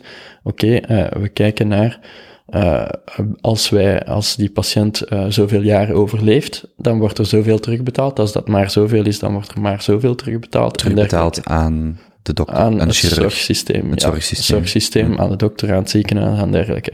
En dan is er natuurlijk wel een initiatief om, te, om technologie in te zetten, om te zien van, oké, okay, die operatie ga ik doen bij die patiënt, want het, mijn data heeft geleerd dat uh, als ik dat doe, Hmm. dat ik zoveel levensjaren kan uitsparen en dus uh, meer financiering kan, kan binnenhalen. Maar dat, is een, dat is dan een Vlaamse bevoegdheid. Um, is dat een Vlaamse bevoegdheid? Nee, nee, dat zit vandaag nog allemaal op nationaal niveau Hmm. bij het RISIF. Um, en uh, waar... Dus dat is effectief het RISIF, is daar het instituut of de, de, de institutie die dat ja, er zijn uh, een aantal, um, eigenlijk, hoe wordt het, de terugbetaling aangestuurd? Uh, de terugbetaling wordt aangestuurd voornamelijk door een aantal comité's. Je hebt onder andere uh, CTG bijvoorbeeld, Commissie Terugbetaling voor Geneesmiddelen en dergelijke. En dat zijn comité's die bestaan uit, ja, zorgverleners die daarin zitten. sommige hebben nogal een grote meerderheid in die, in die systemen. Uh, en ja, soms is het moeilijk dat, uh, dat een nieuwe technologie op zijn tenen moet wandelen en zeker niet op uh, verkeerde tenen stapt, mm. zodanig dat als daar uh, bepaalde zorgverleners in dat comité zitten die een specialisatie hebben, die uh, iets, die dreigen minder uren te presteren omdat er uh, technologie ingezet wordt. Die, dan is de vraag van, oh, ja, wij willen niet minder uren gaan presteren, dat, is, dat is een gevaar voor onze terugbetaling, terwijl dat die uren wel, dan wel ingezet kunnen, zouden kunnen worden op iets anders. Dus ik denk dat er resistentie is op die niveaus, spijtig genoeg, om de zorg effectief om te keren en te zeggen van, ja, uh, nu maakt het niet uit en we gaan toch een, op zijn minst een groot deel van de gezondheidszorg en het budget effectief op die outcome-based payments zetten. Um, en ja, daar gaan sommige specialisaties iets minder gaan overhouden, andere specialisaties iets meer. Uh, maar we zitten nu met een beperkt budget in België en we moeten die stappen zetten. Ja, de vraag is hoeveel mensen moeten nog noodloos sterven of zware complicaties oplopen of andere dingen voordat zo'n systeem dan fundamenteel ja, en verandert. is COVID, en dat is het grote, dat is de grootste, hmm. is COVID niet genoeg? Mm -hmm. uh, is COVID niet genoeg om dat te veranderen? Wat moet er dan nog gebeuren? Perverse antwoord is toch nee. Dat is toch wat je vandaag ziet? Um, ik zou het niet weten. Time will tell, om zo te zeggen. En uh, dat is misschien hmm. de reden waarom dat ik zoiets meedoe aan zo'n zo'n zo'n podcast, uh, waar ik meestal op de achtergrond ben. Uh, maar ik hoop dat dat iedereen wakker heeft geschud, COVID. maar ik zie het nog niet in het beleid. Hmm. ik zie het geen sinds. Want is dit iets wat bijvoorbeeld een minister, nog los van welk niveau, maar een minister van Volksgezondheid kan doorduwen? Of is het systeem fundamenteel te complex of um, ondoorzichtig om, om, dat, om dat door één persoon of één... Ik denk dat er transparantie mag gegeven worden aan al die, uh, aan alle gesprekken. Uh, dat is, uh, even wachten. Ja. Um, nee, ik denk dat transparantie het belangrijkste is daarin. Als een debat zo open gevoerd kan worden en als alle belanghebbenden in dat debat duidelijk aangeven wat um, uh, waarom dat zij voor iets zijn en waarom hmm. dat zij tegen iets zijn, en dat dat publiek gevoerd kan worden, uh, dan denk ik dat het verhaal veel sneller kan veranderen uh, dan het vandaag is. Ik denk dat het vandaag een beetje te veel achterkamerpolitiek hmm. is, waar dat die grote vragen al snel op de achtergrond geraken. Uh, en dat er over kleine dingen veel gediscussieerd wordt van hoe moet het budget verdeeld worden, in plaats van hoe gaan we de incentieven voor uh, de budgettering gaan aanpakken, mm -hmm. gaan aanpakken. En in een crisismodus zoals vandaag is dat zeker niet gemakkelijk om dat te doen, want ja, daar wilt je effectief wel zorgen dat al die kleine zaken uh, op, op niveau van een zorgsysteem zijn dat kleine zaken, om zo te zeggen. Het zijn die 2000 bedden.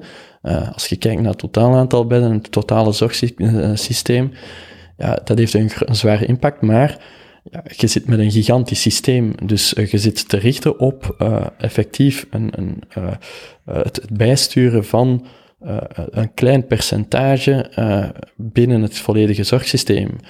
Um, en ik denk dat ja, dat debat van hoe dat we de zorg efficiënter kunnen maken en de systemen daarin kunnen aanpassen, dat, dat vandaag de tijd daarvoor is. En zeker uh, na, hopelijk na uh, de coronacrisis.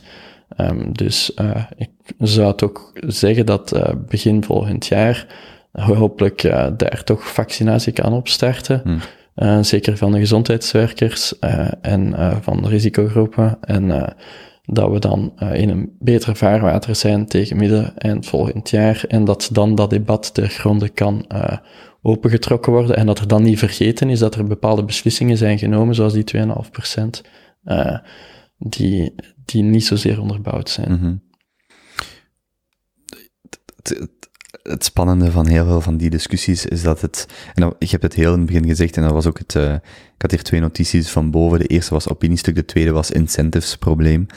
En dat het eigenlijk heel vaak daarop terugkomt, die incentieven in allerlei structuren. Vandaag gaat het over de gezondheidszorg, maar eh, waar ik me kan voorstellen als iedereen, elke betrokkenen partij, comité, uh, minister, uh, actor, wanneer heel duidelijk is, dit zijn de incentives waarom dat wij een bepaalde voor- of tegenstand hebben. eens dat die allemaal op tafel liggen, dan kun je vrij snel schakelen en zeggen, oké, je hebt die incentive om die actie te stellen of die daad te stellen, financieel, waarom dan ook, uh, of, of publiek of politiek. Als dat allemaal op tafel ligt, kun je vrij snel zeggen, oké, dit zijn de incentives, we gaan dat zo en zo aanpassen, je hebt dit te winnen, je hebt dat te verliezen, en dan kun je verder. Maar dat, dat klinkt als zo'n complex systeem, en daarmee dat ik ook daar straks de vraag stelde, in dat woonzorgcentrum, doe die mensen een Fitbit aan, maar wie is ja, wie draagt daar de kostenverantwoordelijkheid? Wie, wie heeft daarbij te winnen? En eens dat je die incentives op tafel legt, wordt het toch vrij snel duidelijk wat je moet doen. Namelijk iedereen zo'n fit, of, of dat nu een Fitbit of iets anders is, maar er zijn daar toch niet veel andere oplossingen mogelijk. Hetzelfde met, of het nu over de data mining of de diagnostiek gaat. Ja, je ziet toch dat dat een vrij duidelijke uh, probleem van incentives is. En dat zou je dan toch tussen aanhalingstekens relatief makkelijk moeten kunnen bijsturen in een, in een, allez, in een, als u, en dat mag dan toch de hoop zijn, als uw patiënt centraal staat. Ja, uh, zeker. En de, uh, moeilijk is het spijtig genoeg niet. Um, waarom zeg ik dat? Ja, um, meten in de gezondheidszorg is niet eenvoudig, maar er zijn metrics zoals uh, dat zijn Quality Adjusted Life Years, zijn van een, een kwaliteitslevensjaar van, een, uh, van een patiënt als, als, als een operatie of als een, een, een, een pilletje als die een kwaliteitsvol levensjaar kan winnen van wat, wat hebben wij daar als maatschappij voor over om dat te financieren. Dus dat is eigenlijk gedreven op uh, ja, uh, effectief naar mortaliteit toe en gaan kijken van hoe kunnen we eigenlijk de populatie gaan verbeteren met acties die we kunnen treffen. Dus inderdaad, naar die incentieven toe, het is echt niet moeilijk. Het is gewoon dat blootleggen en zeggen van kijk, welke objectieven willen wij nu gaan halen, zijnde in het winnen van die kwalitatieve levensjaren en hoe, hoe kan iedereen daaraan bijdragen? En nu gaat het soms veel te veel over uh, de puntjes en de commas van wie dat welk budget heeft en wie dat welk budget al dan niet mag hebben, hmm. um, in plaats van echt te gaan kijken naar die kwalies. Uh, een groot deel is ook van die vaccinaties daar. Uh, er worden alle, allerhande argumenten aangehaald waarom dat bepaalde gezondheidswerkers wel of niet kunnen vaccineren en dergelijke meer. Um, ja, uh, en dan is de vraag van, ja, wie, wie baat daaraan? Oké, kunnen, kunnen er dan geen korte opleidingen gegeven hmm. worden? Moet, je moet daar toch geen vijf jaren voor studeren? Je moet geen om zo te zeggen. zijn om een vaccin, om een, om een prikje te zetten? Bijvoorbeeld. Hè? Uh, dus ik vraag mij dan af van, ja, waarom wordt er op zo... Ja, het is duidelijk dat wanneer dat, uh, er een, een, een, capaciteitsprobleem is, uh, dat we, en om zo van die kwalies te kunnen winnen, die kwaliteitsvolle levenswaarde, dat we alle middelen moeten inzetten die we kunnen inzetten. En dan gaat toch zoiets, uh, een, een, een, training course, om zo te zeggen, ons toch niet tegenhouden. Hmm. Dus dat zet alles in perspectief en daarom vind ik dat ook zo'n zonde dat, ja Um, ik, uh, ik heb een uh, korte voordracht ook gehoord van, uh, van bijvoorbeeld Dieven Annemans, de gezondheidseconoom. en dan wordt er ook, ook kort gekeken naar bijvoorbeeld de COVID-crisis, van wat, wat is de besteding dat wij vandaag doen in het gezondheidszorgsysteem per patiënt, die in zaken kwaliteitsvolle levensjaren winnen, en wat staat daar tegenover? En is, ja, zijn, we, zijn we niet meer um, problemen aan het creëren dan dat we er oplossen. Uh, met, uh, met bepaalde acties. Dus ik denk dat uh, ja, het, het zeer duidelijk moet zijn. We hebben die metrics, zijn de qualitative, quality adjusted life years, kwalitatieve levensjaren. En die actie, hoeveel gaat dat op de totaliteit winnen? en alle maatregelen in de gezondheidszorg zouden daarop afgetoetst moeten worden. In andere landen is dat meer en meer het geval. wij lopen daar zeer sterk achter in België. Um, waardoor dat inderdaad uh, uh, er minder financiering is voor nieuwe technologie of nieuwe medicatie of dergelijke meer. Uh, waarom? omdat je inderdaad zegt, oh, dat kost veel geld. Maar als je ziet, dat kan je vijf levensjaren winnen, winnen ja, dan, dan mag dat iets kosten. En in Nederland zijn daar heel duidelijke metrics over. In, hmm. in Engeland ook. hier in België is dat um, discussie van puntjes en commas. Dus uh, ja, kort door de bocht, die metrics zijn er. Uh, toets alles daarop af en maak het debat publiek. Uh, waarom dat iemand iets tegen heeft en welke bezonjes of kleine zaken die dat zouden verhinderen, of misschien grotere zaken. maar dan moeten we kijken naar een oplossing en dan mag dat dan niet verhinderen. Wat waren voor u, en dan bedoel ik niet, want ik heb u daar straks eigenlijk dezelfde vraag gesteld, maar ik denk dat mijn insteek iets anders is, de frustraties van dit jaar of van alles wat corona heeft blootgelegd. En dan bedoel ik vooral naar, ik volg als leek uh, rapportering over aantal ziekenhuisbedden, aantal besmettingen, uh, sterfte enzovoort en zo verder. Maar ik, en dan kom ik snel bij de discussies, hè, want België staat dan hoogste bij een, volgens een aantal metrics, maar dan gaat de discussie vaak over, ja, maar het hangt vanaf hoe we dat meten enzovoort en zo verder. Vanuit uw expertise in de context van publieke debat, wat waren voor u frustrerende momenten in de manier hoe dat we daarmee omgaan? Um, ja, uh, frustrerende momenten um, zijn zeker uh, als we kijken naar die data. Um, ja, hoeveel problemen dat er geweest zijn met uh, het aanleveren van die data en de statistieken. Um, dus je bedoelt dan van dokter of ziekenhuis naar een centrale... Naar een, naar een centrale overheid, inderdaad. Uh, en dat het ganse beleid wordt gestuurd op bepaalde cijfers. En dat is denk ik zeer frustrerend ook geweest voor de experten. Is van, ja, dan veranderen die cijfers, dan dit, dan dat. Uh, wij zitten in een, in een zorgsysteem met, met goede IT-systemen. Het is de vraag hoe dat we die gebruiken vandaag, uh, dat zich stelt om die inzichten veel sneller en veel beter te kunnen naar boven brengen. En uh, de frustratie daarbij is, ja, maatregelen zoals lockdown en dergelijke, ja, die zijn nodig. Hè? die zijn nodig om zo'n zo'n enorme verspreiding te kunnen, te kunnen tegengaan. Maar de vraag is, waar zet je dan de limiet? Um, uh, waar uh, zet je de limiet in zaken de maatregelen die je treft? En um, die, die beslissingen die uh, worden vandaag genomen op basis van bepaalde expertise, omdat de data soms niet, niet voorhanden is. Um, aan wat? Is ja, uh, ook een beetje manuele acties die moeten getroffen worden in de ziekenhuizen om die data te verzamelen. Ziekenhuizen die effectief meer mensen aan hebben geworven, effectief voor die data uit hun bronsystemen te kunnen gaan halen. En ja, uh, de data die er dan uiteindelijk beschikbaar is, daar zitten redelijk wat fouten in. En nummer twee, uh, ja, die is ja, zeer weinig granulair, dat ze dat dan heten, is zij weten niet um, uh, ja, zij weten bijvoorbeeld veel minder wat is de, de medische achtergrond van die patiënten, hoe kunnen we het begeleid daarop richten, van waar komen al die patiënten. Dus de granulariteit van die data is hmm. zeer, we weten alleen ja, uh, een, een, zeer beperkt aantal symptomen. Is die met binnengekomen, ja of nee?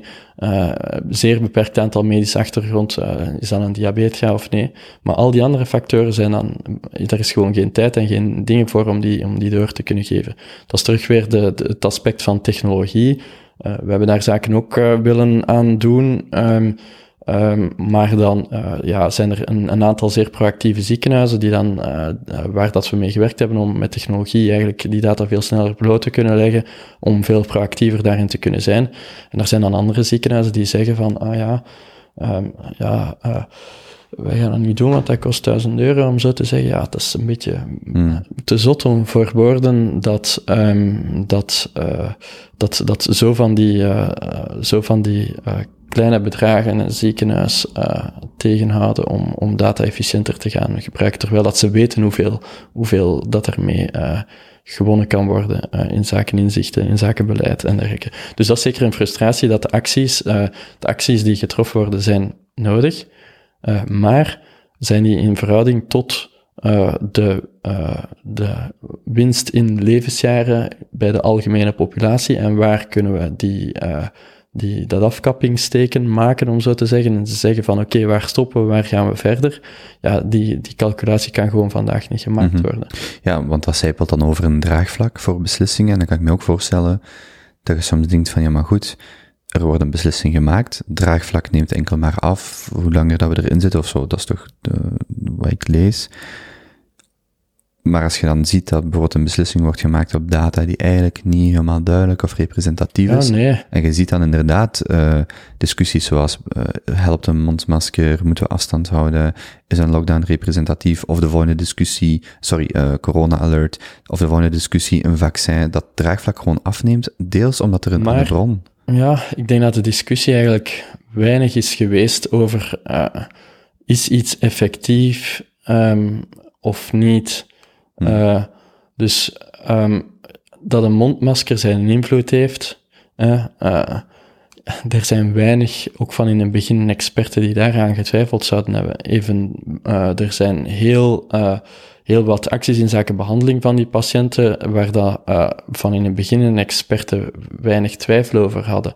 Eh, heel wat maatregelen, zoals een lockdown, dat die effectief eh, gaat verhinderen dat dat virus sneller verspreidt. Ehm, ja, niemand die redelijk, redelijk brein heeft, om zo te zeggen, eh, die had daar twijfels over. De enige twijfel is, ehm, eh, je hebt zoiets in het Engels, efficiency en efficacy. Eh, ik weet niet eh, hoe dat, dat in Nederlands eh, vertaalt, maar Tja, efficiëntie en effectiviteit? ja, inderdaad. Ik vind dat altijd wat ver, verwarrend daarin. Maar enerzijds eh ehm, heb je een maatregel van, ja, gaat die een bepaald effect hebben? En, en nummer twee is van, wat, wat gaat dat opbrengen aan, het systeem als geheel? En daar zit denk ik de grote twijfel geweest van, zijn die maatregelen op dit moment noodzakelijk en kunnen we dat eh, nu invoeren en gaat die maatregel niet te veel schade opwerken eh, ten opzichte van andere zaken die we dan niet meer kunnen doen? Eh, zijn het uitbreiden van die capaciteit in de ziekenhuizen, het stilleggen van de ziekenhuizen, alle mensen die niet behandeld kunnen worden, is dat niet veel meer schade dan, eh, dan, dan, dan, dan de, de sterftegevallen die er, die er zijn door, door COVID?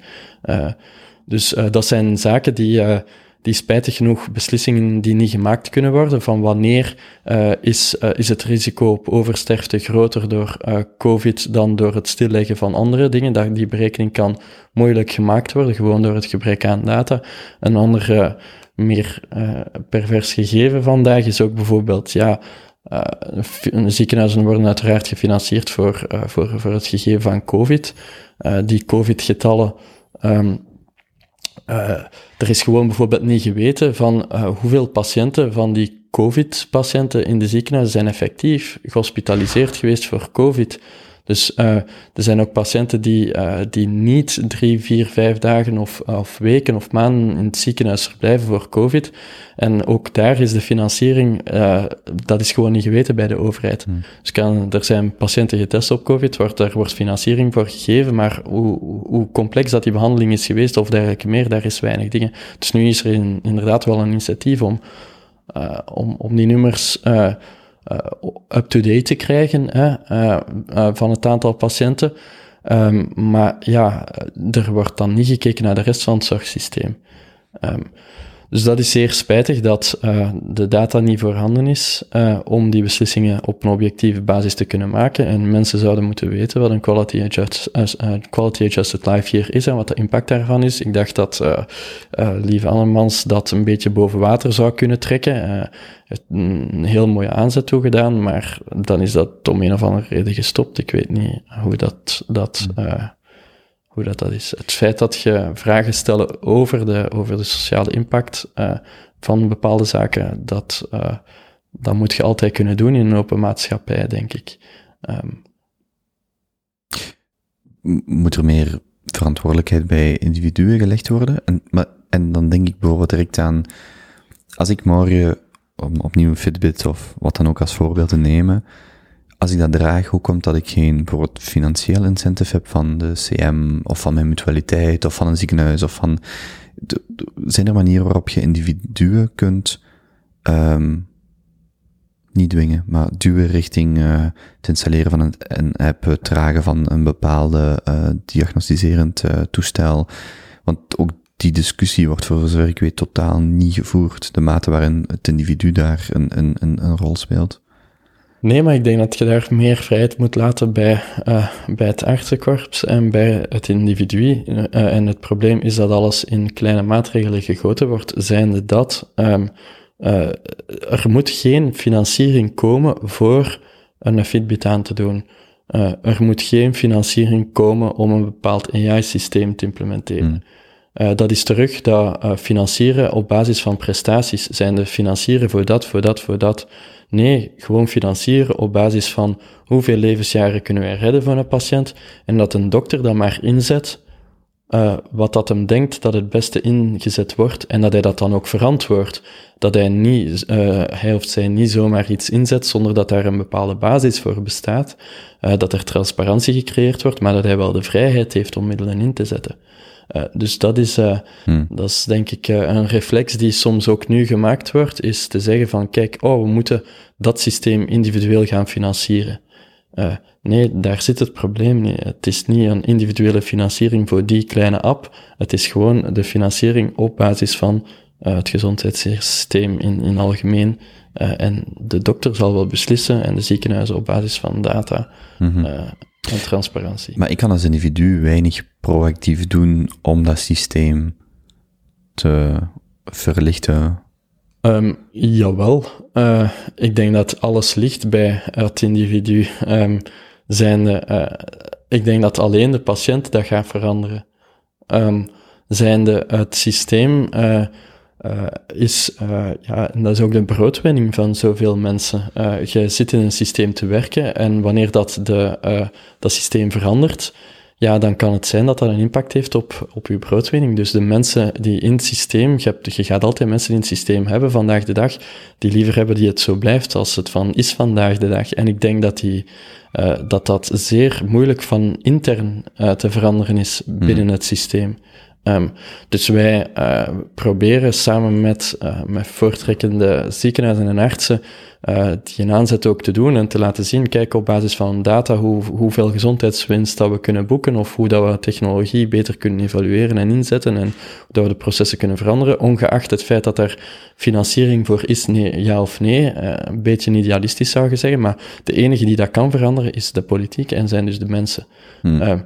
Dus eh, de patiënt heeft daar alles in te veranderen en de patiënt gaat nu bepalen in het komende jaar waar dat we voor de komende tien jaar naartoe gaan. Want als het nu niet gebeurt, dan gaat het niet gebeuren. Hè. Het is, dan moeten we nog een covid-crisis hebben binnen vijf jaar om, om dat te doen. Of, Maar bijvoorbeeld, en ik ken de details niet van dat decreet of die beslissing dan, ik las een, ehm, een interview denk ik met de, met de CEO van eh Pharmaline, of een van die grote websites die medicatie aanbieden.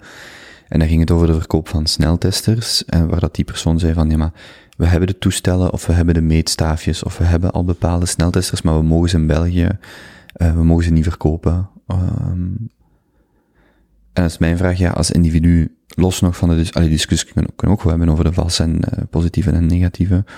Maar ik, als ik het zelfs niet kan kopen, dan kan ik als individu ook weinig, weinig verschil maken wat dat betreft. Omdat er, omdat er een beslissing wordt genomen om die niet, uh, ja, om, om, om die niet te mogen verkopen. Als ik het, als ik mij die discussie goed herinner van een paar weken geleden. Um, ja, um, langs de ene kant is er, um, uh, er moet bepaalde controle zijn op wat dat er op de markt gesteld wordt of mm -hmm. niet. Want er zijn ook, ja, er komt veel, uh, veel het land binnen, uh, of de EU binnen. Uh, en dat moet wel, uh, dat is duidelijk ook bijvoorbeeld bij, bij medicatie, is dat, zijn daar de, de beste procedures die er bestaan, zijn de, van de validatie van vooraleer dat een medicament op de markt komt, zijn enorm rigoureuze processen uh, en die validatie moet gebeuren. Dus ik denk dat een patiënt recht heeft uh, dat, dat hij de middelen moet inzetten naar zijn believen, maar dat hij ook moet weten uh, wat dat die middelen echt doen. Mhm. En uh, daarvoor is, uh, als er daar effectief wetenschappelijke onderbouwing door is en die hebben die processen doorlopen, dan moet de patiënt daarmee samen met zijn arts en daar meer een gedegen beslissing in kunnen maken. Maar er komt gewoon soms dingen op de markt die niet onderbouwd zijn. Dus ik vind dat zeker niet slecht um, dat daar dat, dat, dat dat gelimiteerd is. Um, waar dat ik wel een probleem mee heb, is het feit dat dat soms veel te lang duurt. Uh, voor die beslissingen daarin te nemen. Dus je hebt uh, instanties zoals, zoals European Medicines Agency, uh, die op een Europese schaal zo'n dergelijke beslissingen kunnen maken. eh, wij moeten over de effectiviteit van bepaalde medische technologie of zelfs uh, zijt zo'n testje of zijn er een app. Dat hoeven wij niet in België allemaal te proberen. we hebben Europese instanties die daarmee kunnen helpen. Dus we zijn daar een eiland aan het vormen. ja, een COVID-patiënt, die, ja, COVID kent de grenzen ook niet. En we zijn weer eilanden. Ieder land zijn eigen app, zijn eigen dingen. Dus je, je ziet eigenlijk dat het feit dat er die belemmeringen zijn voor de technologie is niet slecht, zolang dat die op een Europees niveau zijn en dat sommige van die belemmeringen er niet hoeven te zijn, dat die sneller kunnen in zaken administratieve behandeling, in zaken die zaken. Dus dat is, dat is denk ik van belang. Dan... om, om, om dat bij te zetten, er is lang discussie geweest over de corona-app, die dan uiteindelijk niet is gekomen, dan wel. En uiteindelijk hebben ze nu min of meer een copy-paste van de Duitse app genomen, die volledig aan, volgens Duits recht en, uh, die in Duitsland ontwikkeld is, maar die open source software genomen. Ja, ik moest, uh, uh, ik moest zelf in, in Duitsland zijn, zoveel maanden geleden, voor het werk. Um, ik kende die, ik heb die app gedownload, ik heb daarmee gewerkt, dat is van het Koch Instituut. Um, dat is, uh, dat is wereldwijd, uh, zijn dat de gekendste instituten. Daar zijn weinig vragen bij de dingen van, maar en toch moest daar ja, een bepaalde versie van gemaakt worden. Uh, ik denk dat, um, ja, um, ik, dat moet, dat moet eens bekeken worden, denk ik. Ik, ik weet niet, vanuit een technische achtergrond, denk ik niet uh, dat, dat het nodig is dat daar zoveel honderdduizend euro's aan gespendeerd hmm. zijn en dat dat zo lang moest duren voordat hij de apper was. Uh, maar je kunt net dezelfde uh, vraag stellen over die investeringen die er geweest zijn in, de, in, de, ja, in het opzetten van die callcentra en dergelijke hmm. meer. Ja, Maat zat bij het uitbreken van de pandemie, die zat in Nieuw-Zeeland. Die zegt, ja, Nieuw-Zeeland is duidelijk, vanaf dag één had je een soort van faseplan, uh, of niveau, 1, 2, 3, 4, of uh, ik weet niet hoeveel niveaus het zijn. Ik zeg, dat was heel duidelijk, we zitten nu in dit niveau dan dat. Vorige week lees ik, ja, de coronabarometer wordt dan toch op lange termijn geschoven. En dat is dan het frustrerende, of dat is voor mij als burger het frustrerende, dat wel, dan wel, dan niet, dan wel, dan niet, dan mogelijk, dan, dan weer dit, dan weer dat. En op den duur, en dat is ook, denk ik, wel een stukje van mijn vraag van komen van, wat doet je als individu nog, waar of dat nu die barometer of die app of de mondmaskers of de sneltesters of de volgende keer het vaccin is, dat daar dat draagvlak afneemt omdat je die, hoeveel honderdduizenden horecaformulieren zijn er ingevuld, alleen al in Antwerpen zijn er 25 opgevraagd. Ja. En ik, nu gooi ik alles ook op een hoop, wat ook niet helemaal correct is, maar die, het gaat dan eerder om die frustratie als burger bij, of het gaat om het proberen te begrijpen waar dat die frustratie vandaan komt en zonder daar te zeggen van die of die is fout of die of die instantie is fout. Um, alles heeft te maken met transparantie. En uh, uh, die transparantie in de gezondheidszorg, zoals ik daar straks vermeldde, is redelijk eenvoudig om die te creëren. Hm. Uh, waarom dat, dat moet zijn. En ik denk dat die transparantie helemaal opengetrokken moet worden. Uh, naar al die, al die bepaalde beslissingen, waarom, welke partijen dat daarbij involved zijn geweest. Ja, het is zorgsysteem, het is belangrijk dat dat, ge, dat dat gekend is. Dus ik denk dat transparantie de sleutel is voor de mensen en dat, uh, dat iedereen uh, daar achter kan vragen. Dus ik denk dat dat de sleutel is van een democratie, transparantie creëren en uh, op, op hoger niveau. En mensen beginnen dan over allemaal individuele maatregelen te spreken. Uh, de discussies gaan over die individuele maatregelen, maar wat, wat kan een individu? Ik denk dat mensen uh, daarin verdrinken. Ik ben iemand die, ja, die medische scholing heb gehad, die in technologie zit ingewerkt, die wetenschappelijke achtergrond heeft. En ik uh, kan mij er soms niet meer, uh, niet meer in thuis vinden in, in alle maatregelen die er getroffen worden en alle acties. Dus uh, dat is gewoon omdat er ja, op, op heel veel kleinere punten gefocust wordt soms in, in zaken het stellen van de discussies. En dat de mensen nood hebben aan objectieve maatstaven van kijk, hoeveel gaan we de zorg verbeteren? Wat is het effect van als we die maatregelen niet invoeren? op, op het zorgsysteem. Hm. En dan moeten we af van dat eiland denken en moeten we ook af van ja, een, een, ja, een Vlaams niveau denken of een Belgisch niveau denken of, of dergelijke meer. In alle Europese landen is die coronaproblematiek en wij zitten eraan te denken van hoe dat wij ons, ons klein eiland gaan beschermen hier dat is zo zelfs in, in de start-up, eh, scale-up wereld, wordt er, eh, is er bijna competitie tussen de steden in, eh, in, in Vlaanderen. Van, ah, wie is de, de start-up stad van, van Vlaanderen? Ja, en waar zijn we eigenlijk mee bezig? Dus ik denk dat dat zeer eh, een gebrek is in zaken transparantie, waar dat de mensen niets aan kunnen doen. En het is hoe meer dat de mensen vragen, hoe meer dat het systeem kan veranderen. En nummer twee, eh, focussen op de grote dingen, zeker niet op, op lokaal, Vlaams, eh, Belgisch niveau. We moeten echt kijken naar Europa, waar dat we binnen 10, 20, 30 jaar willen staan. En hoe dat we willen zorgen dat ons eh, gezondheidssysteem gedragen kan worden. Is ons Belgisch gezondheidssysteem ook ehm, een, een breder Europees gezondheid? De, de- en dan bedoel ik de structuur, de manier waarop gezondheidssystemen in Europa zijn opgezet. Zijn die vooral naar het Belgisch eh, model of zijn, er, of zijn wij de vreemde of de uitzondering in de gezondheidszorg? Ehm, Nederland en Engeland zijn al twee andere systemen, of zijn al twee systemen die het anders doen, maar meer op elkaar lijken dan bijvoorbeeld ons Belgisch systeem. Ehm, ja, je hebt, Of eh, ga ik, ga ik dan ook te kort door de bocht? Ja, je hebt heel veel, heel veel verschillende aspecten aan zorgsystemen, hoe dat die geregeld zijn. Ehm, eh, ja, de incentieven, daar hebben we het al een tijdje over gehad, eh, zijn de value-based versus pay for performance. Ehm, en je hebt systemen die daarop voorlopen. Ik denk dat wij meer en meer het achterlopen, zeker in West-Europa, eh, op, op die en eh, op, op eh, de evoluties van health economics, op die qualies daar, dat ik vermeldde van dat iedere zorgacties wordt afgetest aan qualies en niet op politieke beslissingen is van individuele personen, maar effectief daarop wordt afgemeten. Dus daar zijn vlakken dat we zeer sterk ja, voorsprong hadden kunnen maken en waar dat we nu achterlopen. Ehm, dan in zaken eh, zorgverzekeraars, dat is ook een, eh, een, een andere zaak, eh, hoe dat die een, invloed hebben. In, in Nederland heb je veel meer private zorgverzekeraars. het voordeel is dat die veel, iets meer vrijheid hebben om te beslissen wat dat ze terugbetalen en daar meer flexibiliteit is, terwijl dat hier allemaal centraal wordt aangestuurd. Dus er zijn duizenden en één verschillen. Wat dat je wel begint te merken is dat je in België begint achter te lopen op die vlakken, ook op nieuwe technologie, ook op, ehm, ehm, ook op nieuwe behandelingen eh, en dat we dat moeten rechtzetten zo snel mogelijk. Eh, Als je nieuwe behandelingen zegt, dan bedoelt je ook niet per se extreem, extreem uitzonderlijke dure procedures. Dat is niet wat je bedoelt dan, hè? Nee, nee, nee, sowieso niet. Ehm, dus eh, ik denk dat, ja, daar wordt dan in de media dikwijls op gefocust, op die Hmm. zeer, zeer dure behandelingen van, van, van, van PIA. Eh, en eh, dat, is, eh, dat is eigenlijk, dat draait het hele zorgsysteem op zijn kop. Het moet daar eigenlijk zijn. In Nederland is het duidelijk, dat is ongeveer een, ja, ongeveer is het een 30.000 euro.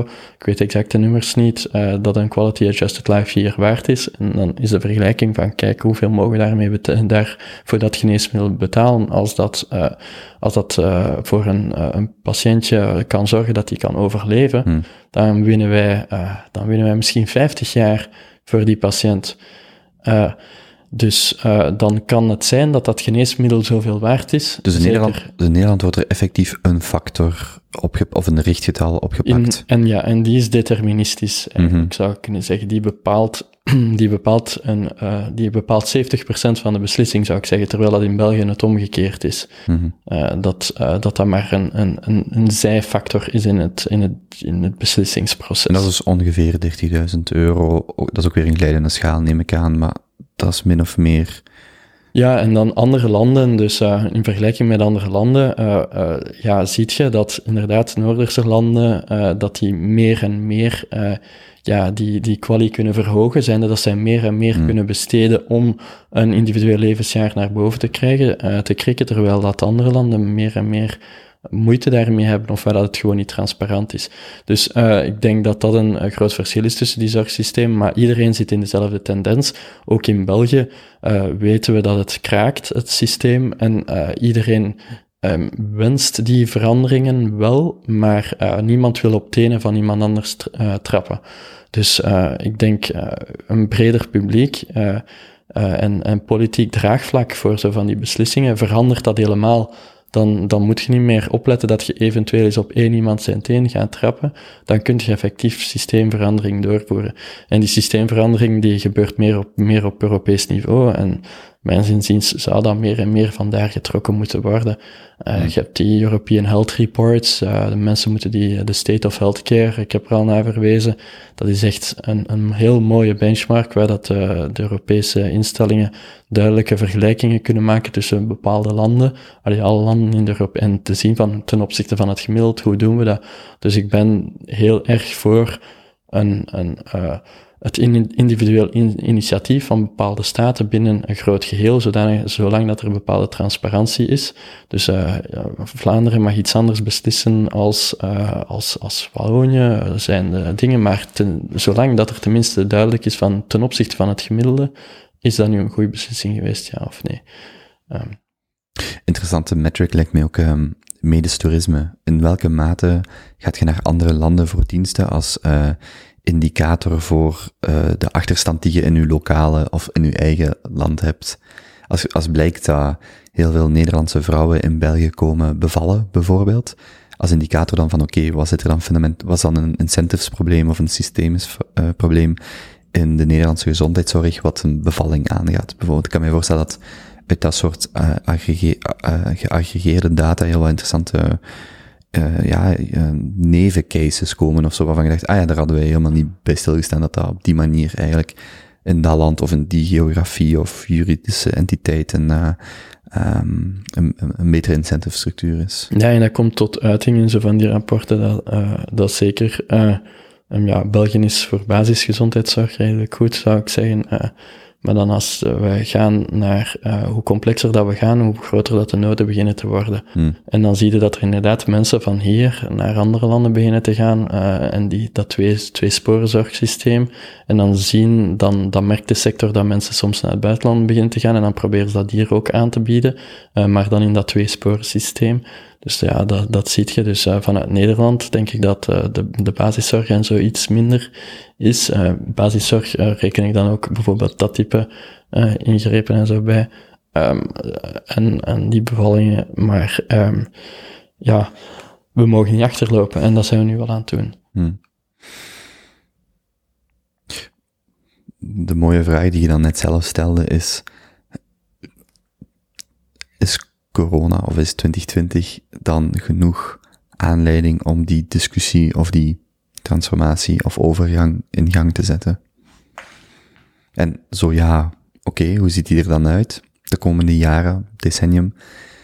Zo nee, wat zegt dat dan eigenlijk over de, de huidige staat van, van ons bewustzijn daarin, bijvoorbeeld? Um, ja, uh, ik denk dat um, wij te weinig aan iets bouwen.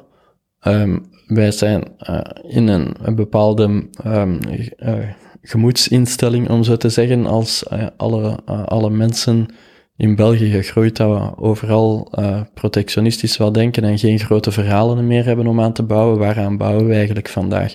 Wat is de visie voor de gezondheidszorg voor de, voor de zoveel, binnen 10 jaar, binnen 20, binnen 30 jaar? Wat is de visie van, van, van, van een kleine spot in de wereld? Uh, hoe gaan we een zorgsysteem uitbouwen? Uh, dus al die, die kleine uh, punten die, die, die, die de doorslag geven vandaag. En als dus deze crisis daar niks aan verandert, dan is dat ja, zeer ja, teleurstellend, zou ik zo zeggen. Mm. Want um, ja, welk incentief hebben we dan nodig om toch wel die grote stappen te zetten? Dus ik denk dat er zo snel mogelijk gedacht moet worden uh, aan een positief verhaal, want het klinkt, allemaal heel negatief, maar het is eigenlijk uh, een, uh, met, met een, een, bezorgdheid naar het positieve toe, dat we kunnen werken aan een groot verhaal en dat we iets samen kunnen bouwen. en dat samen bouwen, dat, dat zie je vandaag niet meer. Hmm. Ja, je hebt ook die asymmetrie, je hebt een positief systemisch verhaal, maar de negatieve kant zijn is elke patiënt of elke persoon die onnodig lijdt of sterft. Of... Ja, het, het, positieve aan het ding is, is terug die 400.000 levensjaar mm. uh, die gewonnen kunnen worden. 400.000, uh, wel, ja, levens was het, uh, in het Deloitte-rapport was het daarom, ik heb het niet volledig in detail gelezen, dus, maar rekent al eens 400.000 uit, zelfs al is het maar, maar levensjaren, je hebt in, in Europa, mm. hoeveel is het, 550 miljoen inwoners, dat wil zeggen één levensjaar per persoon. En dat uh, door een nieuwe technologie, wel, dat is gigantisch. Ehm, dus eh, ik denk dat er zoveel positief is eh, om, om aan te werken. Eh, daar is ook zo'n eh, een, eh, een boekje, eh, hoe heet het, Factfulness. Eh, eh, ik weet, eh, de auteur kan ik mij niet voor de geest halen.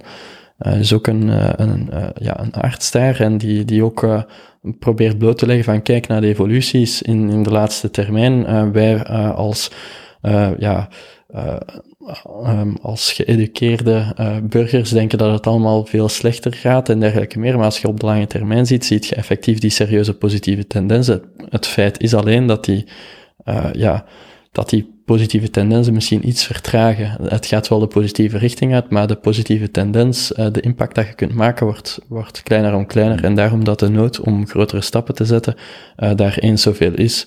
Ehm, je eh, bijvoorbeeld, ehm, ja, je hebt Moore's Law. Ik weet niet of dat je, eh, dat is eh, in zaken CPU's, is hoeveel, hoeveel rekenkracht er eigenlijk gewonnen wordt per, per jaar.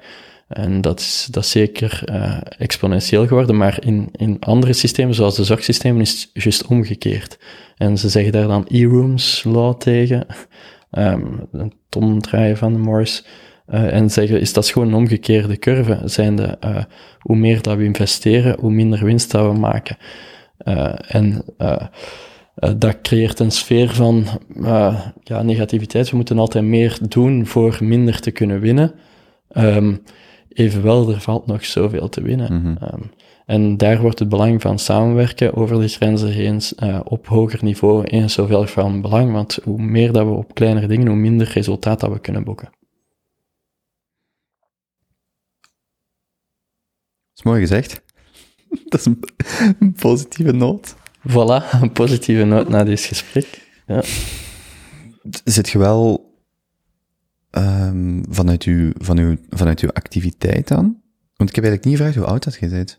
Eh, ik ben 31. 31. Ja. Zit je dan wel vanuit uw activiteit en, en uw, eh, niet louter uw leeftijd, maar gewoon, gewoon de, de, de situatie waar je vandaag in zit, zit je in, de, in een sector, in een omgeving en ook in een, ja, ik bedoel niet louter de sector waar je in zit, maar ook de, de, de maats, het maatschappelijke nut of de maatschappelijke relevantie van wat je doet. Dus de sector waar je in zit, maar ook dat maatschappelijk debat. Zit je waar je moet zijn op dit moment als 31-jarige ondernemer, zoon van een ingenieur en farmaceutus, pharma, Apotheker. Ja. apotheker, apotheker, juist. Ehm, ja, eh, ik denk dat ik eh, op dit moment ehm, in, in weinig meer boeiende omgeving kan zitten, eh, waar dat we een zeer grote impact kunnen realiseren en ook zeer veel transparantie kunnen creëren. Ehm, maar je merkt gewoon, de, dus ondanks dat die, dat technologische dat, en de, de mogelijkheden dat je ziet voor, voor de technologie waar dat je mee bezig bent, ja, word je gelimiteerd door eh, bepaalde eh, systemen. Eh, en dat is dan de opportuniteit die je tracht aan te grijpen van kijk, hoe kunnen we, hoe, hoe kunnen we dan iets trachten samen te veranderen aan die systemen, zodanig dat, dat er sneller ingang gevonden kan worden van, van nieuwe technologie. Hmm. Dus ik zit wel waar dat ik wil zitten op deze moment, maar ik vind dat er, ja, ik- ja, in, in de jaren 60, 70 eh, waren er die grote betogingen eh, voor eh, ja, bepaalde idealen. Soms kun je ja, de ene idealen staan de ene mensen meer achter als de andere Mm. mensen, maar mensen zijn zo passief vandaag. Dus we hebben ehm, de, we hebben de grote betogingen gehad eh, naar, naar het klimaat en zo toe. Eh, eh, maar eh, de kritische noot ontbreekt daarop. Dat is eens één grote betoging, eh, aanleiding gegeven tot bijvoorbeeld eh, Euro- European Green Deal, voor, dus bijvoorbeeld. Dus je hebt, je hebt daar mooie navolgingen bij, maar dat is echt iets, mensen moeten blijven hameren op die punten. En bijvoorbeeld in de gezondheidszorg, er, mensen blijven in hun kot. Het is wel nodig, maar eens dat dat nu gedaan is, dan moeten mensen echt uit hun kot komen. En de mensen kunnen iets veranderen. En mensen hebben het denk ik opgegeven dat zij dat kunnen veranderen. Ehm, dus, eh, dus alle bezonjes dat, dat eh, ja, ehm, Mensen merken dat ook, hè. alles wat ik hier nu gezegd heb. Eh, Je komt bij een dokter, die heeft geen tijd. Eh, nee, je, hebt iets voor, ah, de dokter eh, kan u niet opvolgen, of als jij het zelf niet, niet in actie schiet, ja, dan, dan, dan, wordt er, dan wordt er geen vervolg gegeven aan uw behandeling. Eh, iedereen, iedereen kent die fenomenen. En iedereen blijft in zijn kot zitten eh, en zegt van ja, eh, de overheid eh, Vlaanderen zal er wel iets aan veranderen, of Hmm. oh, België zal er wel iets aan veranderen, of ik zou niet weten waar dat zit, ik moet het niet weten. Hmm. Dus dat is, dat is, dat is mijn zaak in de zin van, Maar is dat dan iets wat je, je zegt bijvoorbeeld straks, over een jaar, wie weet, wanneer dat er meer ruimte voor is om daarover na te denken of om letterlijk uw, uw stem te laten horen, is dat dan iets waarover nadenkt van hoe kan ik op een constructieve manier, of hoe kunt jij daaraan, eh, daar een rol in spelen, wanneer dat, wanneer dat, dat debat gevoerd kan worden? Ehm, ja, eh, je probeert altijd zelf te contribueren wat dat je zelf wilt doen eh, of kunt doen binnen, binnen de tijd die, die je hebt. Je hebt ook bepaalde eigen, iedereen heeft zijn, zijn eigen omgeving, zijn eigen werk. Eh, maar je moet toch eh, nadenken, eh, hoeveel tijd van uw beschikbare tijd steek ik in zo'n zaken, Hmm. zaken die de maatschappij aanbelangen. En inderdaad, ehm, ja, ik, ik wil daar iets meer, eh, meer tijd in kunnen besteden. Ik vind zo'n platform als, eh, als, eh, als deze podcast goed, omdat je mensen uit hun dagelijkse, dagelijkse haalt en even dat platform kunt geven, zonder dat je inderdaad een hele brief moet schrijven. En een brief mag dan maar twee pagina's zijn. En in die twee pagina's moet alles zeer crisp staan en moet je op ieder woord letten.